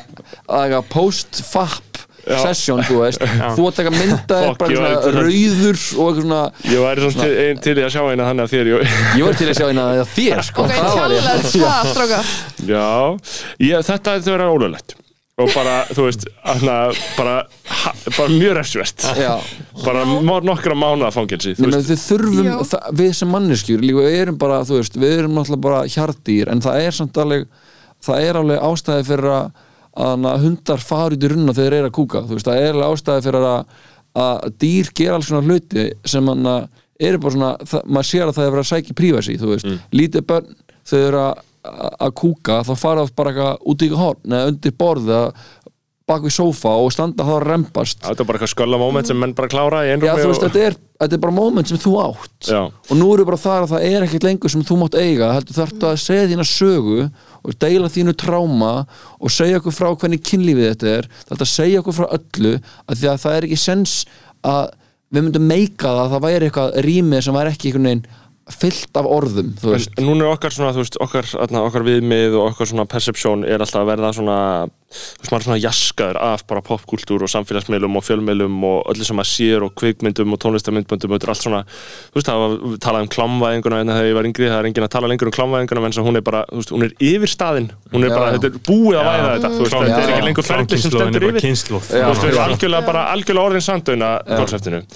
uh, samanber það að annarkur maður er bara fann að framlega klám uh, og um, það er líka, þú veist, ef maður fer á Instagram og, og TikTok og allt það, skilur þar er bara, þú veist, stelpur eru bara mjög fáklætar og bara eitthvað, þú veist að posta myndum og bara posta myndum á brjóstunum að sér og okkur, okkur bla bla bla bla bla, bla þetta er gert uh, og, og maður er eitthvað svona ok, þú veist, ég, þarna, ok, ég ætla ekki að horfa þetta bara fucking ógeð, skilur ég reyna að halda sjó, þú veist. En þetta er eitthvað svona breyting sem er orðin. Og þú veist er þetta bara að fara að verða verra og verra með netinu? Skilur, erum við bara að fara, þú veist, að verður þetta bara, þú veist, mun eitthvað sjokkara mig eftir 20 ár sem er að Nei. gerast? Nei, erum eða er að- ég bara verð ég bara með í þróunni hérna af? Eða mun ég lendi í einhverju svona rupture hvað haldið þið, þú veist, fattið þið hvert, hvert er vara þú veist, er þetta verða erum við komin til að vera í þessu eða verður þetta Sko, svona kynnslóðsli það, bil? það, það á alls konar shit eftir að gerast sko. Hvað er þegar, eitt veist, sko. Bara þegar það við fáum Elon Musk og Xi Jinping collab chipið í okkur sko. þá eru þá er Facebook var að breyta náttúrulega meta. Meta. Já, e, metasport. Metasport. Æðislegt. Þetta er svolítið eins og með píkulistina þú veist, þetta hættir að sjokkra á einhverju tímapunkti já, já, og eins með nekt í leikhúsi, þú veist, það er allir búin að sjá þetta. Þetta já, já, er, já, ég veit það ekki. að sko. píkusögur og það, var það ekki svolítið sjokk fyrir fólk? það- Jú, það, það, það, leikrit, píkusögur hvað þá? Það er bara leikrit. Ég man eftir því að ég var lítill, ég man, ég hugsa alltaf bara, eitthvað, þú veist. Já, vá, litli beggi að horfa píkusögum er að því. Þetta er bara leikrit sem var mjög vinsælt og er ennþá sett, sett upp í dag sko, en sinni er líka bara, eru bara komað að að ég fór á sýningu í gamla bíó nei, í, þennan bíó, nokkur márum sem var bara að tveir gaurar með eitthvað að eitthvað kona og kall með eitthvað kona með dildo á sér bara að- ríða gaurnum. Og vinna? Já, já, já, Hérna já, gamalt bekkjabróð minn, hann fór í þýst leikhús um daginn. Já, og það var rosalegt sko, í hérna vorspunni já. það var sko það var verið að ríða nýrari konu með strappon með Parkinsons og það var skitið á sviðinu. Og ég man ekki alla upptalninguna. Var þetta í En það- fólksbrunni? Já, það er ennþá hægt að sjokkara þetta er alveg, þarna væri ég svona ká- já, já, Ég myndi dýrka að fara á þetta sko. Já, þetta hljómar interessant. Já. Þú veist, Mér- að eiga mómentið af því að það er eitt einhvern veginn að vera eitthvað að horfa á eitthvað viðtal við eitthvað ólinfærskjölu og er eitthvað að liða að posta ykkur um vídjóum sér að að- að totta eitthvað á Twitter. Maður er bara eitthvað svona þetta er- maður- hætti. Herri ég sá, sá það um daginn það má, það er Það ekki. Já, já, Twitter, á Twitter má allt sko. Twitter er er- svona liberal Twitter er fucking og ræsið sko. Jack er aðeins meira horny en sucker sko. Þannig að- en þá er maður bara eitthvað svona maður er bara eitthvað svona eða, þú veist, ég er allan að persónulega bara, bara eitthvað svona æ, hvað, hvað er þetta þú veist, come on guys bara, we can svona do rýðingar á Twitter Nei, bara þú veist, þessi hvort sem það er eitthvað svona endalist anna, ég bara þessi væðing þessi Já. bara anna, að að- að allt sé fyrir opnum tjöldum á netinu, á einhverjum miðlum sem eru eigu einhverja fucking miljardamæringa í bandaríkjunum en þegar þú ert komin í leikhús og þú setur með hópa fólki og það er verið að ríða einhverju nýrari konu sem er Parkinsons með strappon þú veist, ég get að segja bara ah, damn, ég var alltaf að sjá það. En ég væri til að vera í herbygginu þar sem óbúra fólki er að horfa á eitthvað sem er eins sjokkarandi og það það er. er alveg traumatíserandi sko. mm. já, mena, þú veist, þá er ég bara tilbúin að fagna því tráma já, það er geggjað það að hluti Já. ná að Velkomin. sko. það er Bara- aðsta ég held að ég myndi er handla þetta svitt ég veit ekki alveg hvað þyrfti til þess að ég er bara er En þetta það getur náttúrulega ekki, fem maður ekki bara eitthvað frísmót jú, jú, alltaf komast mjög nálægt að þessu í sýningun okkar en þið verður bara að sjá það fyrir ykkur sjálf sko. já, þegar þeir eru að ríða þarna. Já, já, það, já. já. já, að kynlífs- sé- það geggjur já, sem það er það hristir verulega upp í fólki. Já, er það ekki, fólk er með svona kannski nei, ég er að djóka en, en jú það Það er eru einhverju ég sem finnst það eitthvað óþægilegt. Er er- jú, bótið sko. Jú, Já. jú, þetta er náttúrulega sprengklægilegt en það er alltaf, það er ekkert mikið í þessar sinu Nei, ég sló alltaf Það- sem já, en fólk er svona, fer alltaf inn í sig. Já, það, það, þetta er svona og það er líka sem er svo gott við leikhúsi að þú ferð á horror og eitthvað, þú er horror og eitthvað heimaður þá ertu svo mikið í þínu svona sóni, en þú ert með hópa okkur fólki, þú veist, fólk hlægir oft ekki af því að því finnst óþægild að hlæja. Og Já. það er bara svona, líður svona eins og að sé að sjá hvað sem það má Það ekki að segir líka bara svo mikið um þig þú veist. Já, Já. Ég, ég, meina, ég, í þessari Ég hló á verstu mómentunum í sýningu. Já, ég, ég, ég satt við hliðina Arni Móla og Arni Kristni og, það var orga og hlátir langmest í þessari sinni ég dónast í úr þessu sinni Sko. Þegar ég og Bjartur vorum leikstæra herranóttina hitti fyrir að vorum að setja brómið í hann að mennskælingum og þá voru við bara, já, senan eða senan þegar þau eru eitthvað, að Róma og Júliu eru saman þá voru, letum við vera, vera með svona stóran jókabólta sína milli og síðan voru við bara fucking, bara að hamra jókabúðan og hann, neða, jókabóltan og við vorum einhvern veginn svona, voru eitthvað, já, er þetta eitthvað skríti sem voru bara eitthvað, neð, þú veist, hvern væri við að, að hver, að hverjum væri við að ljúga og verum að segja að þetta væri eitthvað eitthvað edgy fyrir krakkana eða þú veist, þetta er bara fyndið Já. Þú veist, þetta er bara aftengt og þetta er fyndið og þetta er kannski óþægild fyrir fóreldrarna eða fullana fólki og þá er það bara gott fyrir þau. Mjög gott sko. Og það er fyrir einhver Parkinsons ömmu í salnum sko. Já, meni, það, er bara, það er bara fínt fyrir fólk að finnast að vera Ég meina á sviðinu. Já, Já, bless your heart sko. Það, það er svona sko það er líka bara eins gömul saga og bara list er að bara þú veist, ef það er að gerast eitthvað frekar fyndið og funky, eitthvað fucked up kynlíf shit á einhverju sviði eða mynd það ágömlu fólk í salnum bara líða illa. Þú veist, maður á, og öllum á að líða illa við að hugsa um, oh fuck það er gamalt fólkina þú veist, þetta er bara svo setið við leiðan á fóreldur sínum þú veist, það er ekki kynlíf sinna Ég er bara á alltaf Ice White Shot eftir Stanley Kubrick með ömmu minni. Martröð. Já, Herri, ég fór með mömmu minni á hérna Blues the Warmest Col- Color í bíó. Já Það var bara, ég var, ég var í mentor sko. Það var mm. umöðlegt þetta er þið eina sanna tabú. Það er kynlíf og fóreldrar það er bara, þú veist, bara Já, og aðskilið. þú veist. Já, þú Þetta er svo líka aðeins annað Þú veist, Já, þegar maður líka tala bara Happiness hafið séð hana. Með, hana, já, með, með Philip Seymour Hoffman. R.I.P. Þetta er fattar um eitthvað svona fólk sem er í þerapíu og allt svona tengt kynlífi. Ég satt með ömmu og mömmu þegar Philip Seymour Hoffman er að tala með að vilja ríða einhverju konu í augað og þá var mamma bara, fórum bara og slökti og við sátum bara, vorum bara jæja, amma bara, þú veist, nýrætt. Þetta var alveg bara svona þetta var alveg real, sko. ég var, þú veist ég var kannski svona 14 eða eitthvað, 15 kannski. Elveg aldur. Já, þetta var bara too real, sko. Ég, meina, ég veit allan að hvað ég ætla ekki að horfa á mig, sinni mínum, þú veist. Nei.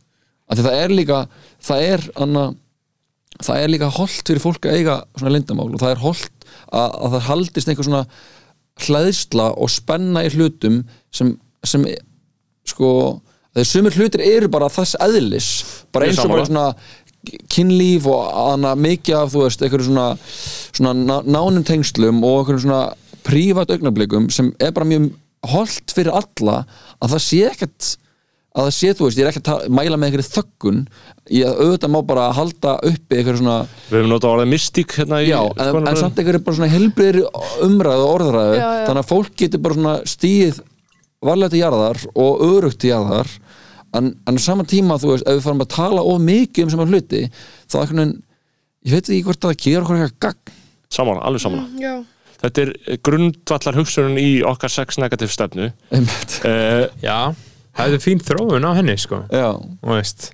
Já, bara að sko já, þú veist, ég, ég sagt það hundra sem aður það er bara óþar að ræða þetta svona mikið. Og, og fólk má ræða þetta sína á milli.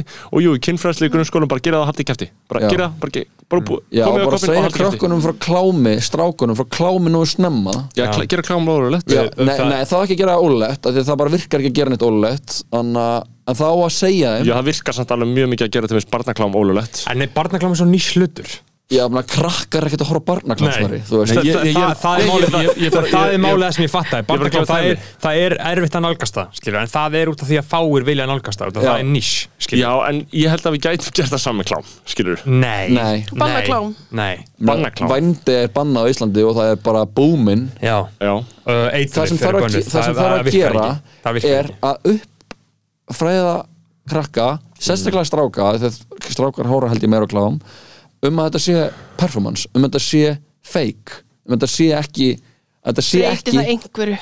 Ég held, ég held í og það alvörni ég held í alvörni að það breyti ykkur það breyti þegar þú horfir á það að það sé ekki þú veist þú ert ekki eitthvað svona oh my god get, ég held að, að mystikinn dræðis maður úr því sem ég held að getur verið að horfa einhver kennari er að segja það. Nei, þetta er hlutverk fóreldra að segja Já, það er alveg slemt sko. Já, eða bara fá einhvern fá einhvern professor inn og Já, halda nófa gaurinn sem fyrir eitthvað. Ég held líka að við ættum að keira meira nofap hjá þessum strákum. Já, ég er alveg sammála. Þú Þú veist, veist, fólk- spekin snýst allt um það að, að viðhalda orkunniðinni þannig að konur stjórni í hvernig líði það er grunn hugmyndin í nófan og það, það, það er kannski svona menninist armur nófa pröfingarna ég held að það sé Nei, ég ángríns er að tala um skilu katholska væpið. Það er ekki ástæða lausu sem katholska kirkjan var að tala um að kynlíf væri fokkin slæmt og ógislegt og sjálfsfrón og eitthvað svona sér slæmt. Þetta er slæmt, þetta er fokkin synd ég held að við getum En- ekki tekið neitt til greina Nei, eins og hvað, hvað okkur kirkjan eins og við það tölum um katholska kirkjan í ký ein, eins og við tölum um nofap stefna katholsku kirkjunar bakfæra. Að vissuleiti það veist, það, bara tugir, hundruðir þúsunda miskilninga sem bara rústuðu og enduðu fjölda lífa. Já, já, facts. Allegedly. Allegedly. Nei, ekkert allegedly það. Nei, nei, mm. einmitt. Uh, En jú, no fuck í grunnskóluna Sko, við höfum, við höfum, höfum takmarkaðan tíma. Uh, Hvað er, er svona margt Hvað er svona mikilvægt sem við eftir að ræða? Er eitthvað sem þið hugsuðu, hm, ég verð að segja þetta um sýninguna mína Við erum búin að tala svo mikið upp á síðkasti sko. Já, alltaf Ég um sýninguna Já, bara eða um listina, skilur sko, þetta er bara ógæslega skemmtileg sýning og þið komið á hana og þið skemmt ykkur vel. Ég var að segja, ég, grét með henni. Já, og það er líka bara gaman að að hana, eitthvað ekki, það, er, það er gaman sko að ná til fólks á, á þann móta að því finnst gaman. Og það er líka gaman á sama tíma virðinstu allan að vera að ná að fólk er að hugsa um sýninguna. Mhm. og þá, þá er bara sigurinn unnin sko. Algjörlega, Já, og, hana, og það er það eina sem maður getur vonað sem listamæður er að fólkið fari út og hugsi um það versta er alveg að að það að fólk lappi út og hugsi ekki neitt meira um það þannig að að því að það er hægt, þú veist, það er svo mikið annað eitthvað svona við erum svona smá skilirt að hugsa um eitthvað svona að skemmt, eitthvað sem er skemmtilegt og eitthvað sem annað, eitthvað svona gildi gildislæðið að það get ekki einhvern veginn annað lifað í sama þú veist, í sama menginu en Já, þú veist, við erum allan bara svona, myndir segja, living proof um að, það, að svo sé ekki að, þú veist, já, við já, já. hana og hana og eins, manna, þið, þið grínist mjög mikið en þið eru að tala sem þau hluti sem skipta máli hana, Mhm. og, og við, það sem við vorum að gera í þessari sýningu er basically bara að gera það í að bara undir formakjum sviðslista Og ég meina eins og því, þú veist, við nutið þess virkilega að búa til þessa sýningu og, og ég vona bara að það sé að skína í gegn sko. Það voru ekki Líka- þunglind eftir á? Ha? Voru ekki þunglind eftir á? Nei, eitthvað smá læð eftir frumsýninguna svo var þetta ég bara varð Ah, svo þunglindur eftir fremsýninguna En þú veist, þess að við vorum að tala, í dag, tala um í dag þú veist, það er bara, það er allt eitthvað svo húmorsnöytt inn á Íslandi, finnst mér. Þú það vantar húmor í allt. Ég veit Já. það. Og allt, þú veist, sem er í gangi um, þú veist, saman hvort það sé eitthvað glæpa þættir, þú veist, það má alveg vera fyndin, Mhm. má líka alveg hafa prump í leikhúsi, þú Mhm. veist, hafið einhver tíman heyrt prump í leikhúsi? Nei, en ég veit að ég hafði mjög gaman af því að hafa bara klassíska karl að leika konu grínið. Já, eins og hjá ykkur. Já, bara, svona bara allir fóru farsa. að hlæja af því að það kom karl sem var klættur eins og kona. Já. já, það var er ekki kallað á hann brjóst. það var ekki sem karl- sagði, við mig að þetta væri transfóbist eða það, já, hver sagði það? uh, Dóri Dina Ok, að hann sagði, ég held kannski þetta sé transfóbist ég leitt alveg hugun að því, sko. Já, og ég gerði það líka og ég var bara svona En Hákon ánáttúrulega ekki að vera kona. Nei, ekki að vera trans. Nei, Nei. ég Hann er er bara- leika konu. Ha? Ég er að leika konu Já, já, Já, já, feita konu í þokkabót. Já, Fólk hefur nú verið cancelað fyrir annað eins. Já, ég er í fatsuit. Já. Og það er vist, var að vera að tala um það um daginn. Ná, Ég veit ekki, ég er hann að Ég skil það samt. Já, ég skil það líka og, embracea og, og, alla- og, og það, en við erum samt líka bara eitthvað svona við erum algjörlega að- að að afhjúpa sjálf okkur líka og eitthvað svona þú veist, með þessu Ég er bara talað með ekki í eitthvað- okkar tilfelli heldur Þú veist, Já, já, þegar verið að setja leikonur í, stórleikonur í, í Já. Já. heitir. Er það svona eitthvað að verða smá svolítið Big, problematist Ma Big Mama ok. Eldis kannski ekkert svo vel. Ég stakk upp, einmitt, upp að horfa á hann um daginn og gullu var bara, er ekki er- Maður er búin að vinna með svona gamla myndir sko. En ég held að hlutinni verða svona smá húmúsnöður þegar allir eru með allt sitt svona upp á borðum af því að þá er spennan farin og hlátur er ekkert um að viðbra við spennu. Það er sko losun anna, svona tilfinninga losun á, í aðstæðum sem þú skilur ekki eða veist ekki átt að bregðast við þá hlærðu að þú ert nervus eða, finnst, eða eitthvað finnst að fyndi þú þetta er þú ert að svona tappa gasi af einhverjum tanki og þegar er engin hlæðsla inn í einu að þegar við erum öll búin að segja við erum búin að sína okkur ríða við erum að segja frá ofbeldinu sem við urðum fyrir í æsku við erum búin að bókstala, bókstala bera allt, og- allan okkar skítu á þvott á torg, þá er ekkert engin hlæðsla eftir, Sammála. það. eru við bara tómar blöðurur og þá er ekkert hægt að hlæja neinu, af því þá er allt bara já, þetta er náttúrulega minnum mig bara á þegar ég var fyrir þessu ofbeldi eða svona, eða veist, það bara er, það er allt triggering, veist, það er allt það er trigger warning á öllu, þú veist. Og, þetta ekki, núna er held ég að, að það sé alveg svona mikið eins og bara við erum að tala um listaháskólan að, að, að þetta sé svona leading í woke culture sé listaháskólan neymar, að það er mikil meðutund um, um hvað sé rétt og ránt og, og, og, og ég held að það kemur ekki óvart allan ef það væri núna staðan að það væri mjög mikið bara já, hana, trigger, trigger warning þú veist að þetta var trigger warning á þessu mörk, okkar sýningu. Já, nei, á, bara, á, á bara öllu þú veist, Já, já. að því að, hana, að fólk er svo meðvitað um að það geti fengið ái í, í kroppin þannig að það er bara já, bara ég hefði geta far, mér hefði geta liðið illa þannig þú veist, fókusun okkar er svo mikið á því bara eitthvað svona, já, hvað liggja mín mörg, eins og þú farir ekki bara eins og farir ekki í leikhús eða farir ekki í háskólanum eða farir ekki þú veist, gangir gegnum hluti í lífinu til þess að þessi krukka í gildismátuninnu Já, og þú fáir að sjá hluti sem eru kannski mm skrýtnir og óþægilegir til þess að þú getur prósessað á og tekið afstöðu. Þú veist, við erum svo upptekinni að vera eitthvað í einhverju endalausri hugmyndafræði. Bara, já, bara þetta þetta hérna bara Já, ég skil það, ég skil Já, líka já. alveg vinkilinn, þú veist, ég var alveg lendið að maður er bara, what the fuck? Þú veist, akkur var ekki tryggja warning á þessu, já, já, þú veist en það fer alveg þú veist, það má heldur ekki ónóta það, sko nei, það má ekki ónæta því að þá en líka þú veist, missir ég er ennþá living Þú- þó já. ég hafi alive. eitthvað triggerandi, sko já, já, Já, ég held að allir hafi gott að því að láta uh, hrista sig aðeins og spura hvað finnst þér sko. já, Hvað finnst þér? já Hvað því- raunverulega finnst þér? því Um- það er líka Þetta er ekki spurt nei, mikið, sko. nei, og það, þetta það er, er ekki rými til þess að svara, ég heldur Nei, Nei, en þetta er held ég einn stærsta baróttan í menningastriðinu er að það er ekki verið að bjóða fólki upp á að segja hvað þið finnst eða spyrja þið hvernig þið líður í alvörunni. Heldur þið bara að vera bara the numbing of the masses bara horfa á þetta drastl, geti þetta drastl og fokkin lifi í ykkur óhammingi sama hjónabandi og fokkin drepisti Já. og við okkur drullu fokkin sama. Já, þú veist, og þetta er bara og þetta er það sem þeir vilja Ja. og þess vegna er það bara erum við bara, við tannja bara með ríka þörf til þess að- búa til leikhús og bara varpa fram einhverjum hugmyndum og spurningum og, og þannig að þú veist ég, mér, ég vildi fara bara í leika konu af því mér fannst það bara fyndið þú veist, og þannig að kannski er það problematic og ef það er, þá bara ég á við það þú veist, ég er ekki fara að vera eitthvað vá, hvað er ógeðslega leðald að heyra, eða þú veist eitthvað svona að vera fórnalamb það við erum öll einhvern veginn bara orðin fórnalamb það er, eða svona, En það er líka bara svo hættulegt, þú veist, að þegar fólk er þess að ég hef alveg heyrt vinkunum mín að segja bara ég er svo ógæslega hrættum að posta særi einhvern, þú veist, posta einhverju stóri þú veist, fokk einhverjum upp. Já. Það er svo, skeri. Það er skýri, Þetta skilju er og maður svo sá þetta rosalega hana í BLM-byltingunni, þú veist fólk, maður postaði einhverju mm og svo var maður bara með kvíðan út allan daginn, bara er þetta kannski ramt teik á hlutina? Og einhver sagði eitthvað vittlust og blammeraði fyrir það, þú veist. Já, já, þegar samstæða var bara ríkti samstæða allan, þú veist. að skilji, hjá þeim sem var að posta vorum sammála bara að þetta er ekki lægi skilji, Já, hjá okkur hvíta fólkinu á Instagram á Íslandi. já, Já.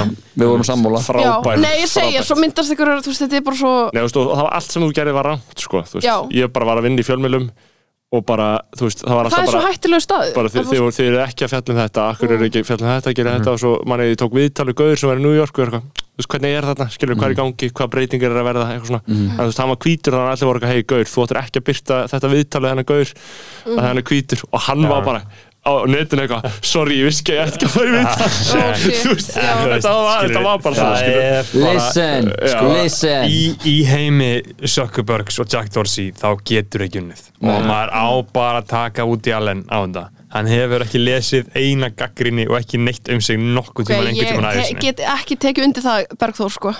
Þú veist skilur en ég, ég er ekki að tala um ég er, ég er að tala um að ekki lesa allt sem eitthvað fólk er að Nei, segja hann má svona Hlusta á gangast fólki í því að sé kringu. Já. barnaníðingur sko Já, Já, já, það já, er al, al, algjörlega, Já. algjörlega já, já, já, já. Hann, hann er ekki að tala með því samingi sko. Nei. hann, Hann hann, um er, er að tala um á- gaggrinni á bíómyndunum sinna já, gott samt á Það árið þetta. Já, já. hann er vissulega með þessu skýrt að það er bara að tala um þetta afmarka ég- á Já, ég, ég, ég er bara að tala um það sko. Ég er bara að tala um það að, þú veist, að hann, er, hann er búin að gera 46 myndir á 46 Já. árum skilur, og að lesa aldrei gaggrinni á bíómyndirna sínar. Spartaníkslutin, það er ekki nóg gott. Það er önnur umræða það er fyrir annað- podcast. Það verður, Patreon ok, gaman að segja frá því. Við verðum með sér þátt.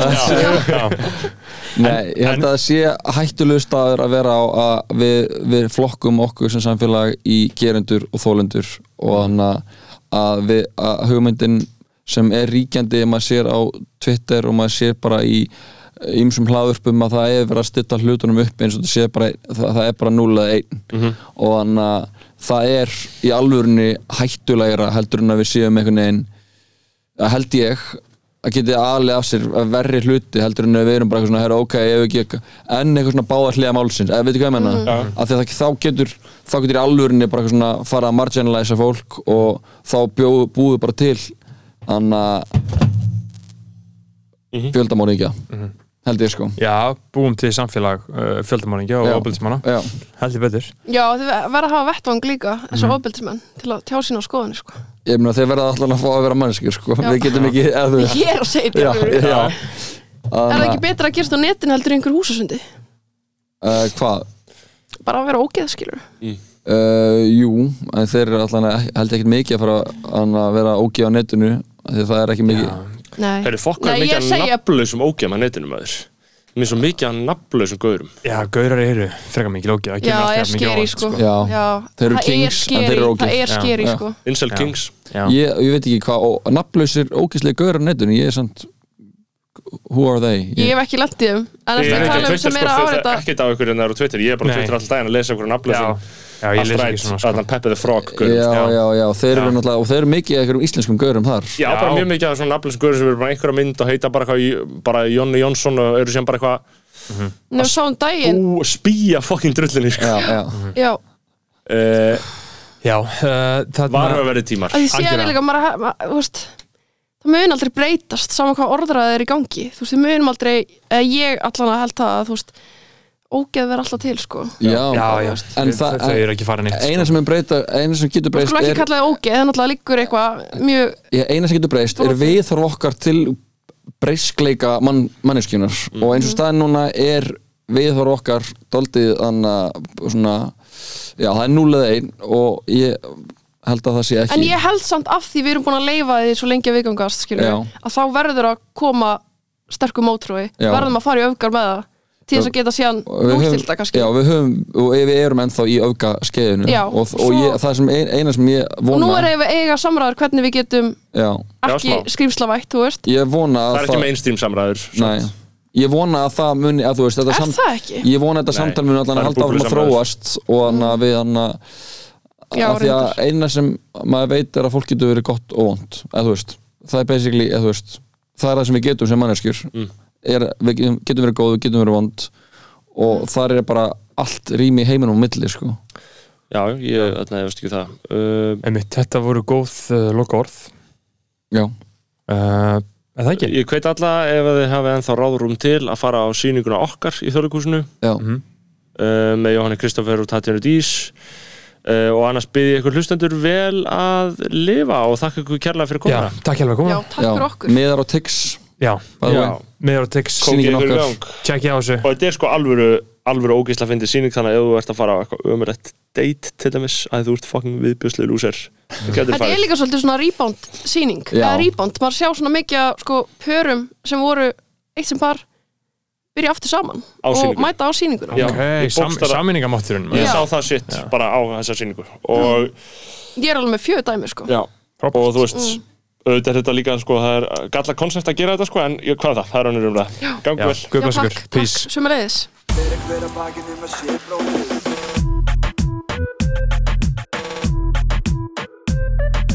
Fyrir hver að bakið um að sé bróðir eigi